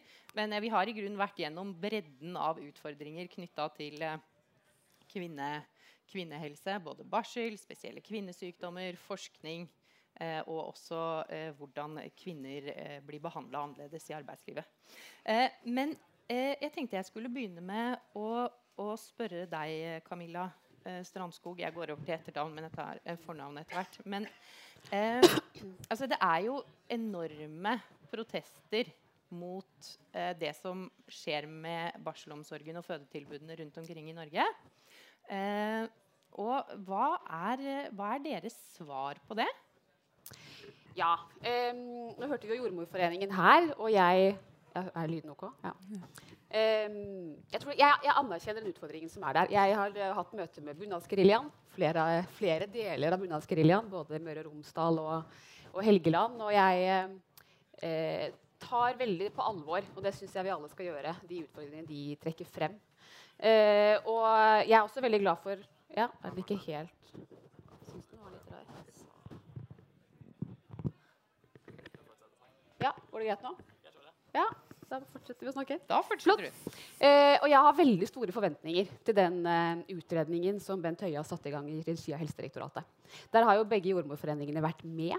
Eh, og jeg eh, mener, akkurat som Jordmorforeningen også var innom, at der må vi få noen konkrete tiltak. Men eh, mange av de problemene som trekkes fram mm. her nå, altså, som, som, handler om at, at, fødetilbud flyttes og legges ned, det handler om underbemanning av jordmødre altså, Du trenger jo eh, Jeg har holdt på med politikk i ganske mange år. Du trenger ikke en NOU for å, å, å vedta eh, politikk på områder hvor problemer er, er delvis akutte. Og det å utrede etter å ha gjort store endringer eh, F.eks. Hvis man legger ned fødetilbud og så utreder man det etterpå, så må man gjens... Altså det, det, er jo ofte ikke den mest effektive måten å gjøre det på. Så tenker du at dere burde liksom handle litt raskere på noen områder? Ja, og det er jo derfor dette ikke ble en NOU, men en hurtigarbeidende arbeidsgruppe. de som skulle levere noe 1. mars. Ja. Eh, og så vil jeg på en måte bare også ha sagt det at um, eh, det er veldig lett å få et inntrykk av at når vi snakker her i dag at følelsesomsorgen i Norge er veldig dårlig. Den er egentlig veldig bra. Jeg tror vi skal huske litt på det. At uh, norsk offentlig helsetjeneste er god. Vi er heldige. Uh, og at norske kvinner generelt er stadig mer fornøyd med fødselstilbudet sitt. Og det går stadig bedre med både mor og barn. Så er det selvfølgelig utfordringer, men jeg vil gjerne bare at vi har det litt i bakgrunnen. Eh, og så er det sånn at ja, det har vært diskusjoner om fødeavdelinger. Det har vært lagt ned to fødeavdelinger under denne regjeringen. Under de rød-grønne ble det lagt ned seks. Så det er klart at eh, en viss sentralisering skjer, men ikke i så stor grad som man kanskje kan få inntrykk av. Uh, jeg ønsker ikke noen ytterligere sentralisering av fødetilbud. Uh, jeg mener at nå, nå holder det, og det, det, skal jeg i hvert fall si fra til mine folk. og så tror jeg også vi skal tenke litt på altså, Antall jordmødre det er jo noe jeg har diskutert, og dette med kompleksitet i fødsler. Um, antallet jordmødre har økt med nesten 50% fra 2013 til 2017. Samtidig så har antallet fødsler gått ned. Eh, så sier man jo at det har blitt mye mer kompliserte fødsler. og det skal vi ta inn over oss, Men jeg tror at vi må prøve å tenke litt smartere. Jeg lytter vel godt til det dere sier om at arbeidsoppgavene er blitt annerledes. Jeg tror kanskje utfordringen også er spesielt stor på de store fødeavdelingene. Det har jeg i hvert fall fått veldig sterkt inntrykk av at det er. Um, så jeg tror det er mange, mange måter å tenke annerledes eller vi må gripe an dette på mange forskjellige, eh, fra mange forskjellige innfallsvinkler. Eh, eh, Tuva Moflag, hva, hva, tenker du om, om alle, altså, de protestene som, som, kommer opp nå? Mm. Jeg tenker at eh, en del av de protestene viser at eh, helsepersonell kanskje har uh, båret en del av denne krisa på sine skuldre uten å rope veldig høyt før nå. Samme som vi ser i fastlegekrisen, f.eks. Der det tok ganske lang tid før uh, den vanlige innbygger forholdt seg til fastlegekrisen. For folk opplevde det ikke som noe problem. Nei, men fastlegen min er jo tilgjengelig. Og så viste det seg at fastlegen nå jobber i snitt 55-56 timer i uka. Så fastlegen har da båret dette på sine skuldre. Og litt samme tror jeg det har vært med, med jordmødrene. Eh, at det har blitt mer og mer og mer og mer og mer, og mer press. Helt til de sier ok, nå går det faktisk ikke lenger. Og da går det veldig fort nedover i utforbakke. sånn som jeg har forstått det. Uh, og det er særlig de store fødeavdelingene som, som rapporterer om at presset er uh, veldig veldig høyt. På Ahus, som er mitt lokale fødetilbud, så sier jo 66% av jordmødrene at de vurderer å slutte. Og det er jo helt kritisk. Hvis de gjør alvor av sine vurderinger, så har vi ikke et velfungerende eh, fødselstilbud på Ahus lenger. Så dette er jo virkelig tall å rope varsku om. Så jeg tror at dette har sneket seg inn. Eh, helsepersonell har jobba fortere, fortere, fortere, fortere, og så bare går det ikke mer. Mm. Mm. Um, Ingrid Hødnebø, uh, hva tenker dere i SV at bør gjøres om, på dette området? Ja, altså det er flere ting. og det er SV har også foreslått sammen med andre representanter i Senterpartiet at det skal være en NOU da nettopp for å kartlegge. og Det er ikke fordi vi mener at NOU-er løser de store strukturelle kvinneproblemene. Vi har ganske mange NOU-er eh, når det gjelder store likestillingsutfordringer. Og de ligger mange år tilbake uten at de politiske tiltakene har kommet. så det eh, men allikevel ser vi at det er et behov for bedre kartlegging og også bedre kartleggingsverktøy når vi ser på konsekvensene av av at det er uh, lang kjørevei uh, for kvinner i enkelte områder f.eks. Eh, hva er konsekvensene av det at kvinner blør mye etter fødsel og ikke får tilbud om lang nok liggetid? det er to, to eksempler. Da. Men man, man, trenger å kartlegge enda bedre de tingene som kanskje egentlig ikke har kommet godt nok fram i lyset. og så er jo det åpenbare at man må ikke legge ned flere Eh, fødeavdelinger. Eh, og da tenker jeg altså, Ja, fødselstilbudet i Norge er godt, men allikevel så bryter antallet vi har i dag, eh, med eh, Verdens helseorganisasjons anbefalinger. Så det, det, står ikke kjempegodt til. Eh, og eh, jeg tror nok bare for å si Det da, det er jo vanskelig å sitte i et sånt panel hvor jeg tror at vi egentlig er litt sånn enige på tvers av politiske skillelinjer. og Det er jo fint når man snakker om kvinnehelse på 8. mars, at liksom det er et, et, tema vi kan stå sammen om.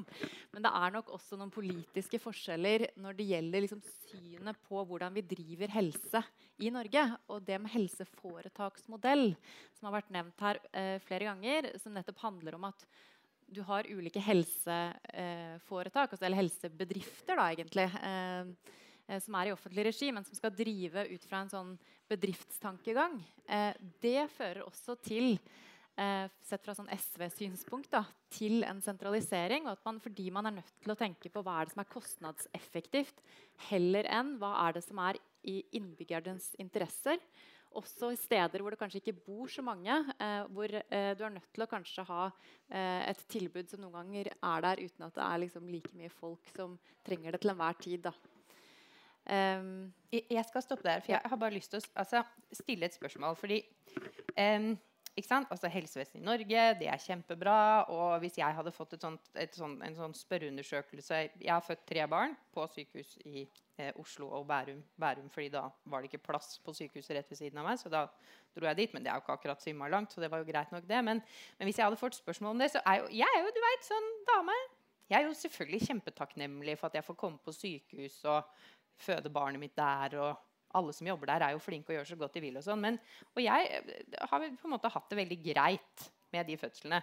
Allikevel, altså, Det er da tre ganger. Ingen av gangene var det plass til meg på Ullevål. Det er, ikke sant? det er sånn Du ringer og sier sånn 'Hallo, jeg tror jeg kanskje føder.' Så sier de sånn 'Ikke kom! Du føder ikke!' Og så sier de sånn 'OK, sikkert ikke. Jeg ringer tilbake om et par timer.' Og så ringer de, og så sier de sånn 'Ikke kom, her er det fullt.' Og så går det liksom to timer til, og så blir du dritdesperat, kaster deg inn i en drosje og kommer opp, og så liksom bam! Tre kvarter etterpå så er den ungen ute. Og så er det jo liksom Ville jeg jo skrevet under på etterpå at vi har verdens beste helsevesen, og sånn, for jeg veit jo det. Men det er jo ikke så veldig bra. Og så etterpå så, er det liksom, så blir du liksom flytta over på på, på, på Ullevål så, så, bor du jo på sånn hotell, og, og, og i Bærum så, så ligger du da, da, på avdelingen. Og så, så veit du jo åssen det var da, når du skulle komme inn og føde. Ikke sant? Du veit at det var jo ikke plass til deg. Så da, da, tenker jo jeg sånn Shit! Best å ta med seg den ungen og komme seg ut herfra så fort som overhodet mulig. Sånn at de neste som skal komme i køen, Slipper å føde på parkeringsplassen, liksom. Og så gjør man det. Men er det egentlig så fantastisk bra? Jeg, jeg stiller meg litt spørsmålstegn ved det. Og jeg har hatt verdens mest ukompliserte fødsler. De bare plopper ut, liksom. Frisk som en fisk både før og etterpå. Triller hjem fra sykehuset, liksom. Og når jeg er litt sånn ja, Nei, vet du, jeg syns ikke det er så bra. Jeg. Hva tenker dere om det? Nei, nei jeg syns ikke det er bra nok. uh, jeg hadde en motsatt Nå skal ikke dette bli en sånn uh, portrettintervju av min fødsel, men uh, skal jeg spare dere for. men jeg hadde motsatt opplevelse av deg. Kom inn til et fullt Ullevål hvor jeg ikke ble undersøkt, og det endte med et hastekeisersnitt pga. ting som skjedde underveis. Sånn at uh, Jeg mener jo at det var delvis kunne forklares med at det var for mye press der, og det er ikke greit. Jeg tror det er ganske mange ganger at det er litt sånn touch and go. Det gikk greit greit, det gikk greit, det gikk greit, og det blir ikke rapportert noe sted. Eh, Kari Aarø, jeg vet ikke om hun er her, fra Jordmorforeningen, eh, hun sier det at eh, det er flere og flere vakter hvor vi kjenner at vi liksom har hatt sånne ekstremvakter, og yes, dette gikk bra, vi klarte det, og litt sånn ad adrenalinet er på topp. Men at det blir mer normalen enn unntaket med de der ekstremvaktene. Og hun sier også at uh, hun har gitt den beskjeden, uh, ikke kom, ikke kom, uh, så mange ganger at man faktisk har endt opp med at kvinner har født hjemme. Og det er litt sånn at det, vi snakker mye om avstand når vi snakker om fødetilbud. Og vi har jo solidaritet med våre medsøstre i distriktene som har lengre vei til sykehuset. Men det hjelper ikke at sykehuset er nært hvis det er fullt. Uh, og en fjerdedel av de barna som blir født utenfor sykehus i Norge, de blir født i Oslo og Akershus. Og det er sånn som vi sikkert ikke hadde trodd. Men det er fordi de har blitt bedt om å holde seg hjemme fordi det ikke er plass. Så vi må slutte å ha så himla stramme rammer uh, for uh, fødeavdelingene. Og vi trenger flere fødestuer også. Ja, jeg bare hiver meg på det. Og det er jeg jo selvfølgelig helt enig i. Og Det er også noe med å se sammenhengen mellom eh, det at okay, det sentraliseres enkelte steder, og det er kritisk for de kvinnene som bor der og har lang reisevei. Men eh, konsekvensene blir at de store eh, sykehusene får enda eh, mer press på seg. Og eh, så er heller ikke eh, positivt for de kvinnene som faktisk bor i de store byene. og det man har sett er jo at Når det gjelder fødselsangst, for eksempel, så er det jo sånn at de kvinnene som har født eh, en naturlig fødsel på et stort sykehus, de rapporterer i større grad at de ønsker å ta keisersnitt ved andregangsfødsel. Altså, ja.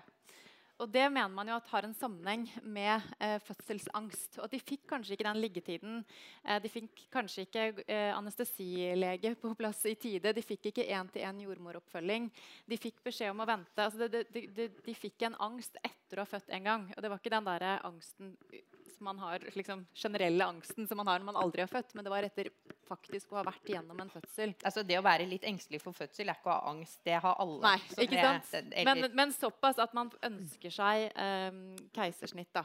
Um, og Det synes jeg, det er jo et varsko, og det viser noe om forskjellen. og det er, Dette er jo også noe Jordmorforeninga har vært ute og, og snakka om. At, det, at etter deres uh, forskning så er det sånn at det er jo mer opplevd trygghet på de små, små eh, fødeavdelingene. Og så kan du si at ja, opplevd trygghet er ikke det samme som reell trygghet eller eh, ekspertise, som du da får i store fagmiljøer. Men, men, er det ikke også sånn at det faktisk er eh, noe av det viktigste for en kvinne som er i en sånn situasjon, er å føle trygghet, ikke være stressa og, og bli mottatt på en, eh, en god måte. da.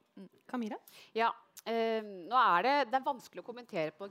Mange har enkelthistorier og personlige historier. Ja, men er, Det fins jo masse ja, som er akkurat det samme. Det, ja. men, eh, men, det er jo, eh, statistikken viser jo oss ja, Noen har veldig gode historier, og noen har ikke så hyggelige historier. Sånn, sånn er det jo.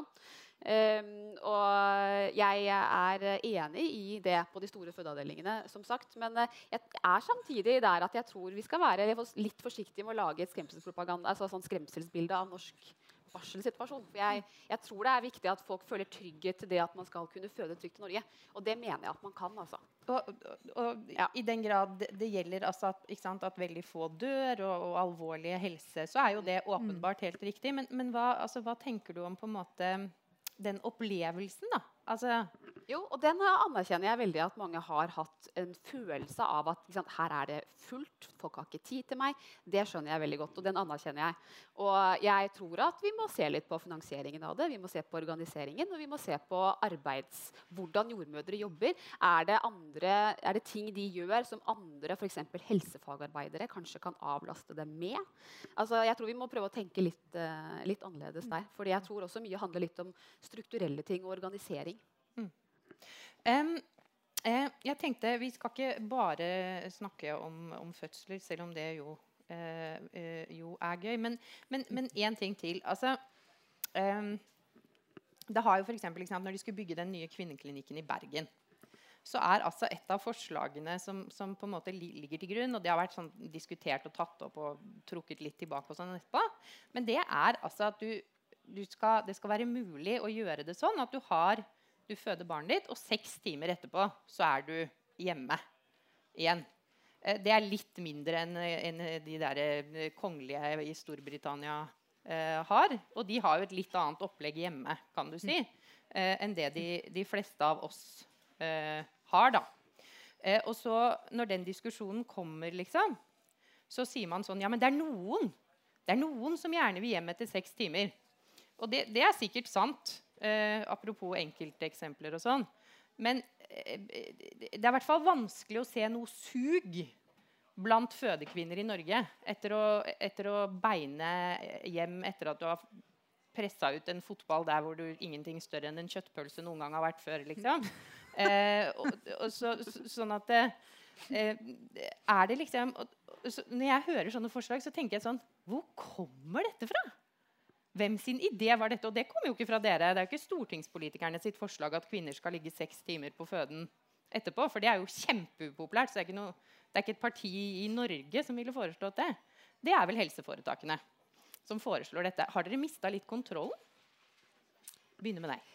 Om vi har mista kontrollen med helseforetakene? Um, nei, altså helseforetakene jeg, de det er fagfolk som driver helseforetakene, eh, og fagfolk som tar disse avgjørelsene.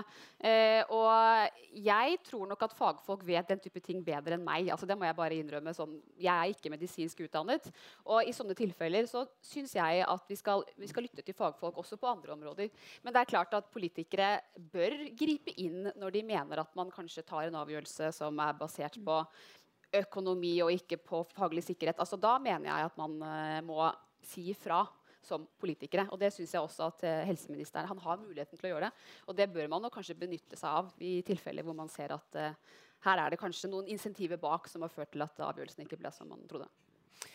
Ja, altså, kan det jo hende altså, jeg tenker at Vi må jo alle være villige til å, å evaluere litt. ok, hva, har, har, det skjedd noe grep underveis som har ført med seg sånn og sånn uten at vi helt tenkte over det?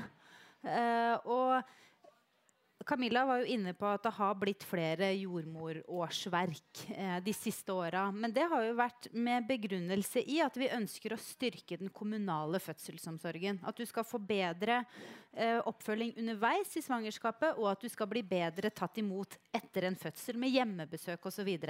Og så er spørsmålet er det noen som på en måte da tenker at ja, ja, men dette er på stell i kommunen, nå dytter vi dem ut raskere. At det er en slags følgefeil. fordi at det at vi ville ha flere jordmødre jordmødre i kommunene var jo ment som en kvalitetsheving. Ikke at vi skulle liksom pushe kvinnene uh, kjappest mulig ut. Så det er liksom noe med at vi må tenke etter det, Har vi starta med en god intensjon ett sted, som har ført med seg noe som ikke blei så bra et annet sted? Men så er det klart det er veldig pressa økonomi på sykehusene.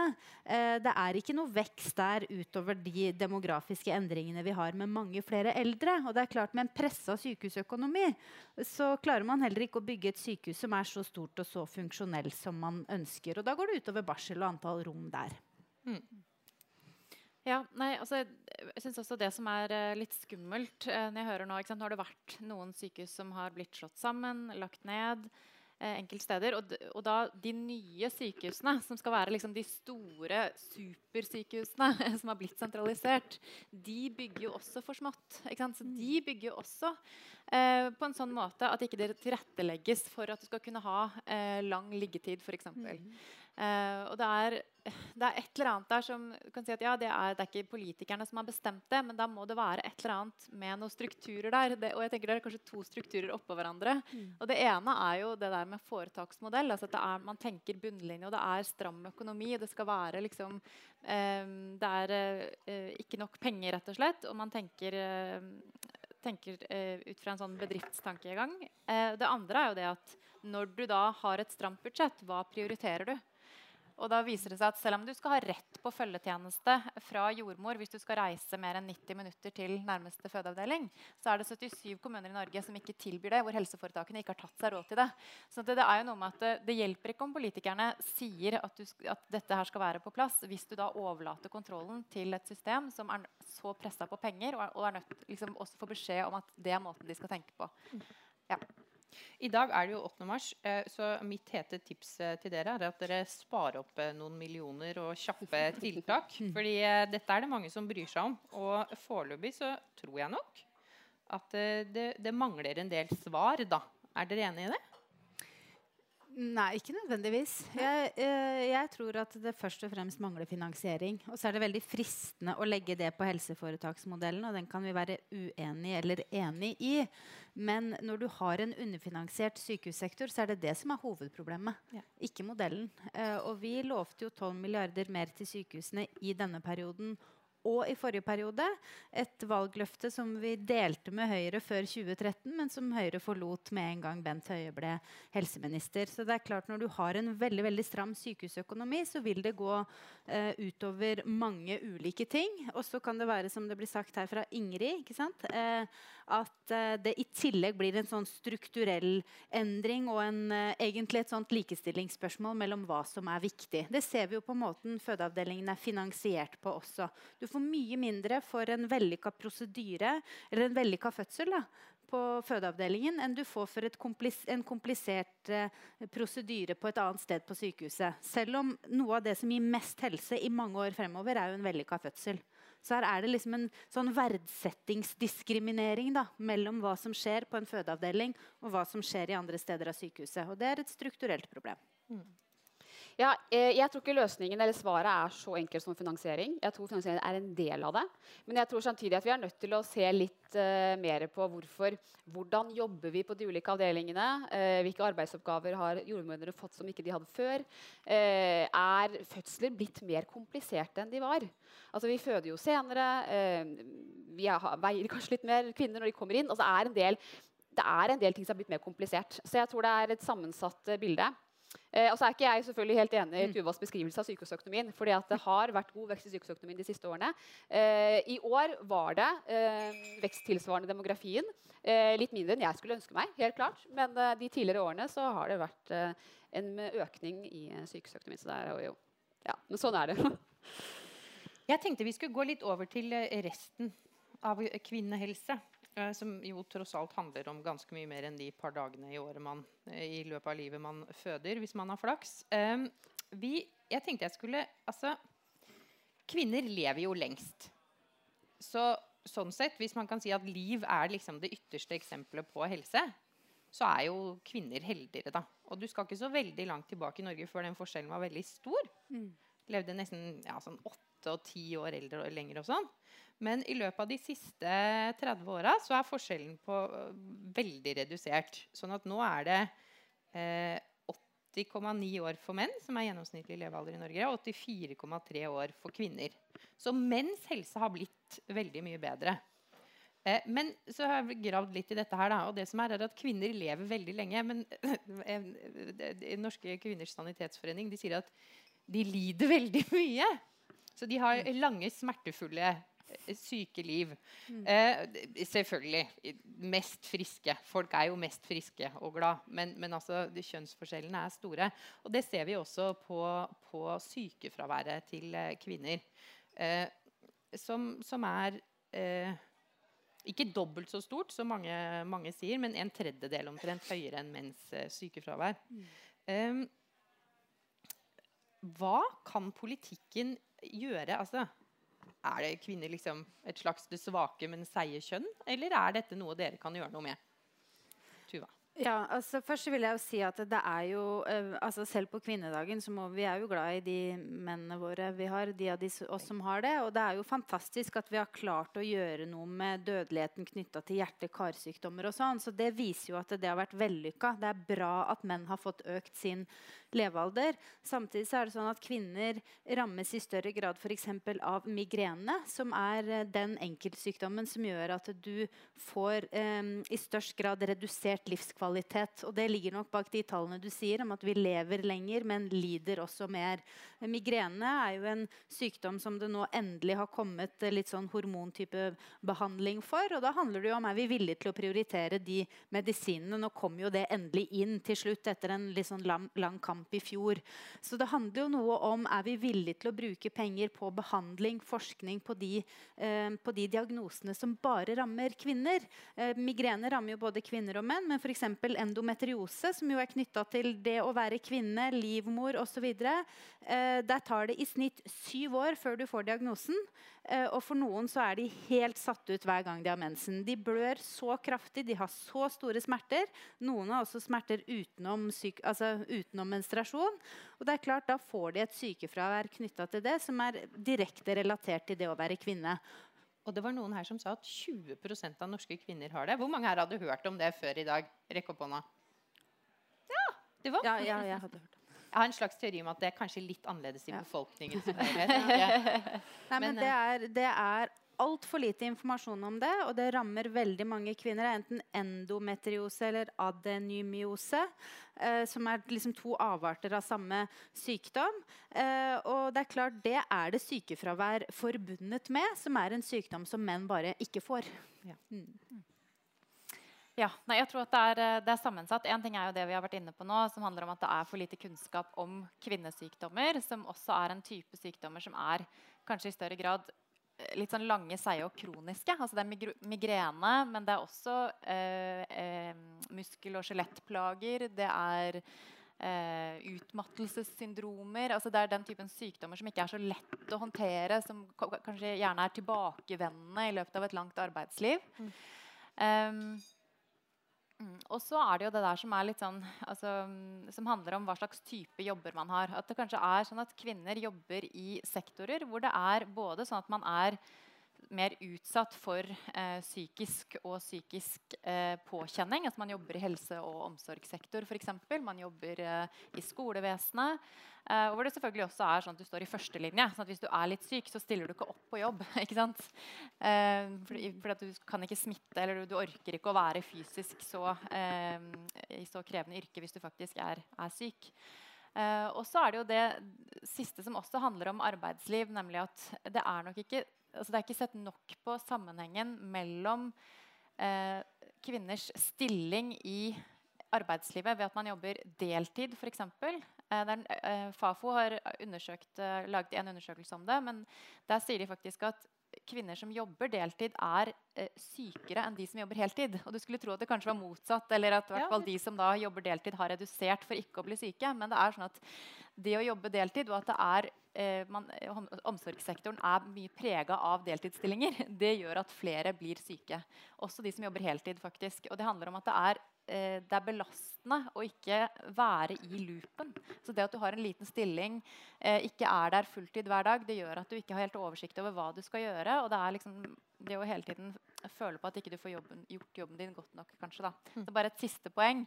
du det, må vente. Du skal få komme tilbake. Ja, takk. Um, jeg syns det siste poenget ditt var veldig godt, det med den deltids... Uh, for det, det, tror jeg stemmer ganske godt. Det er noe med at Hvis ikke du er der hver dag, så faller du lett, du faller lett utafor den sirkelen og det sosiale på jobb, og den er med på, på måte, den dagligdagse driften der. Så det, det, det tror jeg nok er, er en delfaktor. Men helt klart uh, kvinnehelse og kvinnes, altså, sykdommer som vi kvinner får. Som vi lever lenger, vi får flere kroniske sykdommer. Eh, og jeg tror nok at, altså, en ting er at de sykdommene det er lav status å forske på dem. Men jeg tror nok også at en del kvinner opplever at de kommer til legen, og så får de en lege som rett og slett ikke tar dem på alvor. Uh, er litt sånn Ja, du har litt vondt i hodet, gå hjem og slapp av litt. Eh, litt sånn vondt i skuldrene. At ikke de helsepersonellet vet kanskje ikke nok om kvinnerelaterte sykdommer og kvinnehelse. Um, og der har vi en jobb å gjøre uh, på, på, utdanningssiden og på informasjonssiden. Um, og der, uh, altså Mange kvinner vet jo ikke de tingene her selv heller. Uh, det er ikke sånn at man nødvendigvis har like mye informasjon om endometriose som vi har vært innom tidligere i dag. Men også mye muskel- og skjelettsykdommer, mange ulike former for hodepine. og den følelsen når du da går til legen og får en litt sånn Kanskje du bare skal på en måte gå hjem og hvile deg litt på sofaen. Altså den, den er, litt mangel på forståelse. Eh, og det må vi ta tak i. At man ikke ser på det som et helseproblem, man ser på det som et ja. du er sliten-problem. Ja, rett og slett. Ja. Um, ja, um, altså dette, nå får dere heller arrestere meg hvis jeg sier noe feil, for jeg er ikke ekspert på bevilgninger til uh, kvinnehelse. Men uh, jeg forsto her på, uh, på, NSF tidligere i dag at det, at det bevilges ca. 14 millioner som er sånn direkte til sånne kvinnehelseproblemer. Er det et tall noen av dere Eller til kvinnehelseforskning? Mm. Er det et tall noen av dere kjenner det? Jeg går ut fra at det er riktig, siden de sa det. Altså, 14 millioner, liksom. Det er en sånn halvfet kåk på Ullevål. Du får ikke mye forskning for det. Alle som liksom har jobbet med forskning, vet at liksom 14 millioner Altså, hva er det for noe tull? Vær så god. Ja. ja. Nei, jeg er helt enig. Og jeg, når jeg leste meg litt opp nå, så tenkte jeg sånn Herlighet, det er sikkert kjempefå professorater på kvinnehelse i Norge. Og så eh, når jeg leste om det i en artikkel på Kilden, så, så sto det at det, snart så er det faktisk null. så det, det, er ikke det at det bare er få, men det er null professorater i kvinnehelse. Mm. Eh, og det er jo da på toppen av altså, at det allerede er kanskje få som velger det. For det, det, ses på som litt sånn marginalt på siden. Det har lav status, som vi har vært inne på her tidligere. Mm. Det er liksom litt sånn, det er ikke de store liksom typisk da, at kvinnen er liksom noe annet. Du har mennesket, det er mannen, og så er det liksom det er alt det der som handler om eh, eh underliv og, og ja, utmattelsessyndromer og litt sånne her, eh, mystiske ting. Det, det, får kvinner bare bite i seg, liksom. Eh, så, det, så det, det, hadde jo virkelig trengt et løft. Å vise også politisk at dette er noe vi prioriterer for å heve statusen og få liksom, skikkelig god forskning. Et godt forskningsprosjekt eh, eller forsknings... Eh, eh ja team da, på dette, ja. og professorater på alle de store universitetene. selvfølgelig. Ja. Og det, altså, Hvis det er noe vi vet, så er det jo at hvis du vil at noe skal få høy status veldig fort, så er det bare å kaste penger på det. Det funker som fy. Hva tenker du om det? Eh, jo, det, det, pleier å funke, det. Økonomiske insentiver. Um, nå har jeg tallet 60 millioner, men det er klart at det kommer an på hvordan man ser på ting og for, ja, fordeler det. Du, det, sa du, det er det som skal komme fra Forskningsrådet til, ja. høsten, til høsten, tror de. Ja, det er iallfall varslet, så vidt jeg vet. Ja. Um, men altså du kan jo søke om midler til kvinnehelseforskning i Forskningsrådet i dag på mange forskjellige potter. Altså, men folk gjør det jo ikke. Legene forsker ikke på det. Det er rart når det går så mange kvinnelige studenter på medisin. Mm. Eh, det er klart at de kan søke seg til et uh, kvinnehelseprofessorat. Men det er, det er, ikke status nok til det. Og så kan man si at Da må vi politikere kanskje da gjøre noe. Vi må øremerke da, ikke sant? kanskje i større grad. Eh, både midler og vi må også kanskje aktivt gå ut og måte, finne de damene vi vil skal ha de stillingene. Det er jo litt trist at det er sånn. Men eh, jeg tror jo at vi må, vi må tvinge det litt frem. Eh, jeg oppfatter egentlig at kvinnehelse har fått litt mer oppmerksomhet de siste par årene. Syns flere er blitt flinkere til å snakke om det. Ehm, og jeg tror jo at, håper jo at denne NOU-en som vi nå har lansert, vil kanskje få frem litt mer bakgrunnsinformasjon, litt mer forskning på det. Og så er det helt riktig at NOU-er er ikke tiltak, men en NOU kan kanskje føre til at vi kan få en samfunnsdebatt om det, eh, som gjør at vi får økt oppmerksomhet om det. Eh, jeg skal bare si en ting som jeg ikke visste før jeg skulle lede det møtet her i dag. Visste dere at veldig veldig, veldig mange av de medisinene vi har, de er aldri prøvd ut på kvinner? For det, det er ganske nytt at man begynte å gjøre det. Mm. Ja. Eh, sånn at eh, vet, Alle dere visste sikkert det. Men også var det sånn man begynte så smått å prøve ut medisiner på kvinner, og så kom den taliomid-skandalen i USA. Så da bare slutta man med det med en gang, der hvor det var mange barn som Eh, ble veldig skada eh, gravide kvinner som tok inn medisin, og så ble veldig, eller barna veldig skada. Eh, sånn at det, det fins f.eks. masse medisiner som er sånn åtte ganger mer effektive for kvinner enn for menn. Men det er det bare det at det er det ingen som vet. For det er ikke forska på det. Ikke det veldig sjokkerende? Jo, det var jo egentlig det som var litt mitt poeng her. At en ting er hvor mye vi bruker på å forske på rene kvinnesykdommer, men også så er det fortsatt litt sånn at mannen er modellen, og så er vi, var det ribbeinet vi ble laget av i din bibelske historie. Uh, og uh, at det er litt sånn også, fordi at f.eks. For knytta til hjerteinfarkt, da, som vi jo er enige om at det er bra vi har fått mer kunnskap om og mindre dødelighet blant menn. Men samtidig, de klassiske symptomene som vi har lært oss om, all liksom folkeopplysning knytta til det, handler om menns uttrykk knytta til et hjerteinfarkt. Så det er jo et like stort problem eh, hvor liksom lite pot, liten potten er til kvinnehelse, men også at det er mannen som er modellen også i annen type forskning, ikke bare medisiner, men hvordan typiske eh, symptomer er. og sånn. Så Hvis eh, man er i et rom med 50 kvinner og menn, og eh, alle får hjerteinfarkt, så har mannen mye større sannsynlighet for å overleve, fordi man veit hvordan det utarter seg. Og det er jo også interessant. Um, altså, I Norge så er det jo eh, noe av grunnen til at vi har mye høyere sykefravær blant kvinner enn en andre land, er jo at det er mange flere kvinner som jobber i Norge enn i andre land. sånn at Mange kvinner som ville stått utenfor arbeidslivet i andre land, eh, jobber i Norge. Men, men altså, hvis man liksom skal se på det samfunnsøkonomiske her så Vi har høyere sykefravær blant kvinner. Det koster jo åpenbart ganske mye penger. Eh, ville det ikke lønt seg veldig for Norge og de nordiske landene å gjøre, gjøre en kjempesatsing på kvinnehelse, rett og slett? Altså, sånn, eh, det er klart at i en del, en del, samfunn så vil ikke det gi seg utslag annet enn, annet enn i, i, folks eh, livskvalitet, som jo selvfølgelig også er veldig viktig. Men, men, her i Norge så kunne vi jo sannsynligvis ha spart masse penger på et sånt løft. Eh, ja, jeg vil jo tenke at du har et poeng i det resonnementet. Eh, det at kvinner kommer til arbeidslivet, har jo bidratt som folk sier, mer enn oljen. Eh, sånn at det er klart at det har hatt eh, masse å si for vår økonomi og for hele vår samfunnsmodell. Eh, hvorfor det ikke har blitt sånn, er jo litt eh, Det er jo bare Det er litt trist. Det er jo status. Det er at kvinner kanskje har funnet seg for mye gjennom for mange år. det har vært litt så har det vært en kamp å kjempe, og det å komme seg ut i arbeidslivet og det å få aksept for det også. Kanskje vi på en måte ikke har rukket å komme dit ennå i alt det vi skal, det vi skal kjempe for. Jeg vet ikke. Og at uh, nå er det litt sånn Nå har vi liksom landa en del ordninger på dette. Vi kommer oss inn i arbeidslivet. Så nå må vi kanskje liksom ta det litt videre. Jeg vet ikke.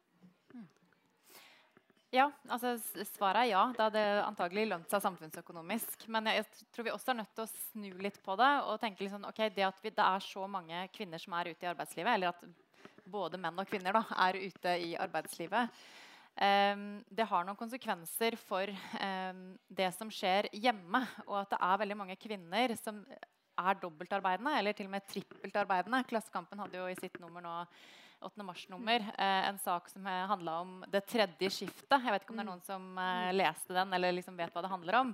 Men det er jo det at kvinner, selv om vi nå har blitt mye mer likestilte takket være f.eks. Eh, lik foreldrepermisjon og en del sånne store reformer, hvor man nettopp jo har tatt grep for å prøve å endre på disse tingene, så er det sånn at det, de, stort sett så er det kvinner som er liksom daglig ledere eh, hjemme i familien og tar med seg mye av det stresset også inn på jobb. Eller kanskje jobber deltid for å få det til å gå opp, men så vet vi at deltid også fører til at man blir mer utslitt.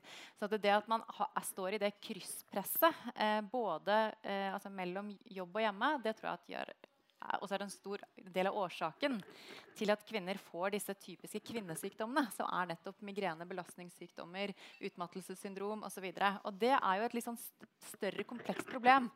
Uh, og jeg tror det da, I tillegg til en satsing på kvinnehelse og mer kunnskap om det, at vi må også ta liksom, familiene på alvor, de nye familiene, og se liksom, hva kan vi hjelpe dem med når det gjelder tidsklemme. Hva er den nye, store reformen på en måte etter uh, likestilt foreldrepermisjon? Er det liksom kortere arbeidstid? Er det andre ting man kan gjøre for å hjelpe uh, kvinner i, i det å ha mindre av det krysspresset? Ja, jeg vil ha heldagsskole for å svare på hennes spørsmål. Da. Har, mine to siste går i barnehagen nå, og til uh, høsten har jeg fire barn som skal følges opp med lekser. Det kan jeg si at jeg gleder meg ikke så veldig mye til. uh, men uh, jeg tror at i tillegg til de tinga vi har snakka om her altså, vi, veldig, vi har en veldig høy sysselsettingsgrad for kvinner. Uh, og vi er jo stolt av det, at Norge er langt framme på likestilling. Men samtidig så har vi et ganske kjønnsdelt arbeidsmarked mer enn andre steder. Uh, og kvinner jobber i tunge yrker. Altså det å jobbe i helse- og omsorgssektoren, sykehjem, sykehus. Jeg har en søster som jeg vet ikke, jeg veier 55 kg omtrent og jobber in, som intensivsykepleier på et sykehus. Hun har dratt på seg noen belastningsskader bare med å flytte pasienter, fordi det er hardt fysisk arbeid. Så eh, det er liksom noe med at vi må kanskje se på at vi må få til mer likestilling i yrkene også. Um, og det er jo der vi også finner den største forklaringa på lønnsforskjellene mellom kvinner og menn. Det at typiske kvinneyrker verdsettes eh, lavere enn mannsyrker. Så vi må i tillegg jobbe hardt fysisk, og så får vi dårligere betalt for det i tillegg. Tusen takk. Da skal du eh, få siste ord på denne oppnorske Ja, det er veldig fint å klappe. Vær så god, Camilla. Ja, da vil jeg bare ta opp dette litt med det tredje skiftet som uh, vi tok opp her nå. Fordi at uh, Jeg tok en liten sånn svogerundersøkelse i min venninnegjeng. Og alle kjente seg igjen i den der det er jeg som er administrerende direktør på hjemmebane. Eh, og så var det litt frustrasjon rundt det. Og så endte det opp med litt sånn der mannen min må anerkjenne dette bedre. Og det var alle helt enig i. Men så kom da spørsmålet er du villig til å gi det fra deg til ham. var det ingen av dem som var. Eh, fordi da var det frykt for at han ikke skulle huske på ting. Eh, det var Jeg blir mer stressa av å ikke ha kontroll. Eh, så jeg tror vi damer må gå litt i oss selv på dette med å la mannen slippe litt til også. På hjemmebane. Og så skal vi ta alle de kampene på yrkes... Ikke at ikke vi skal undervurdere det, for det skal vi ikke. Vi skal gjøre det. Men jeg tror at vi damer også må slippe mannen til på hjemmebane. Tusen, tusen takk til dere tre. Mm. Tusen takk til dere, vårt veldig engasjerte og tålmodige publikum. Ha en fortsatt strålende kvinnedag. Vi ses igjen i hvert fall neste år. Kanskje før.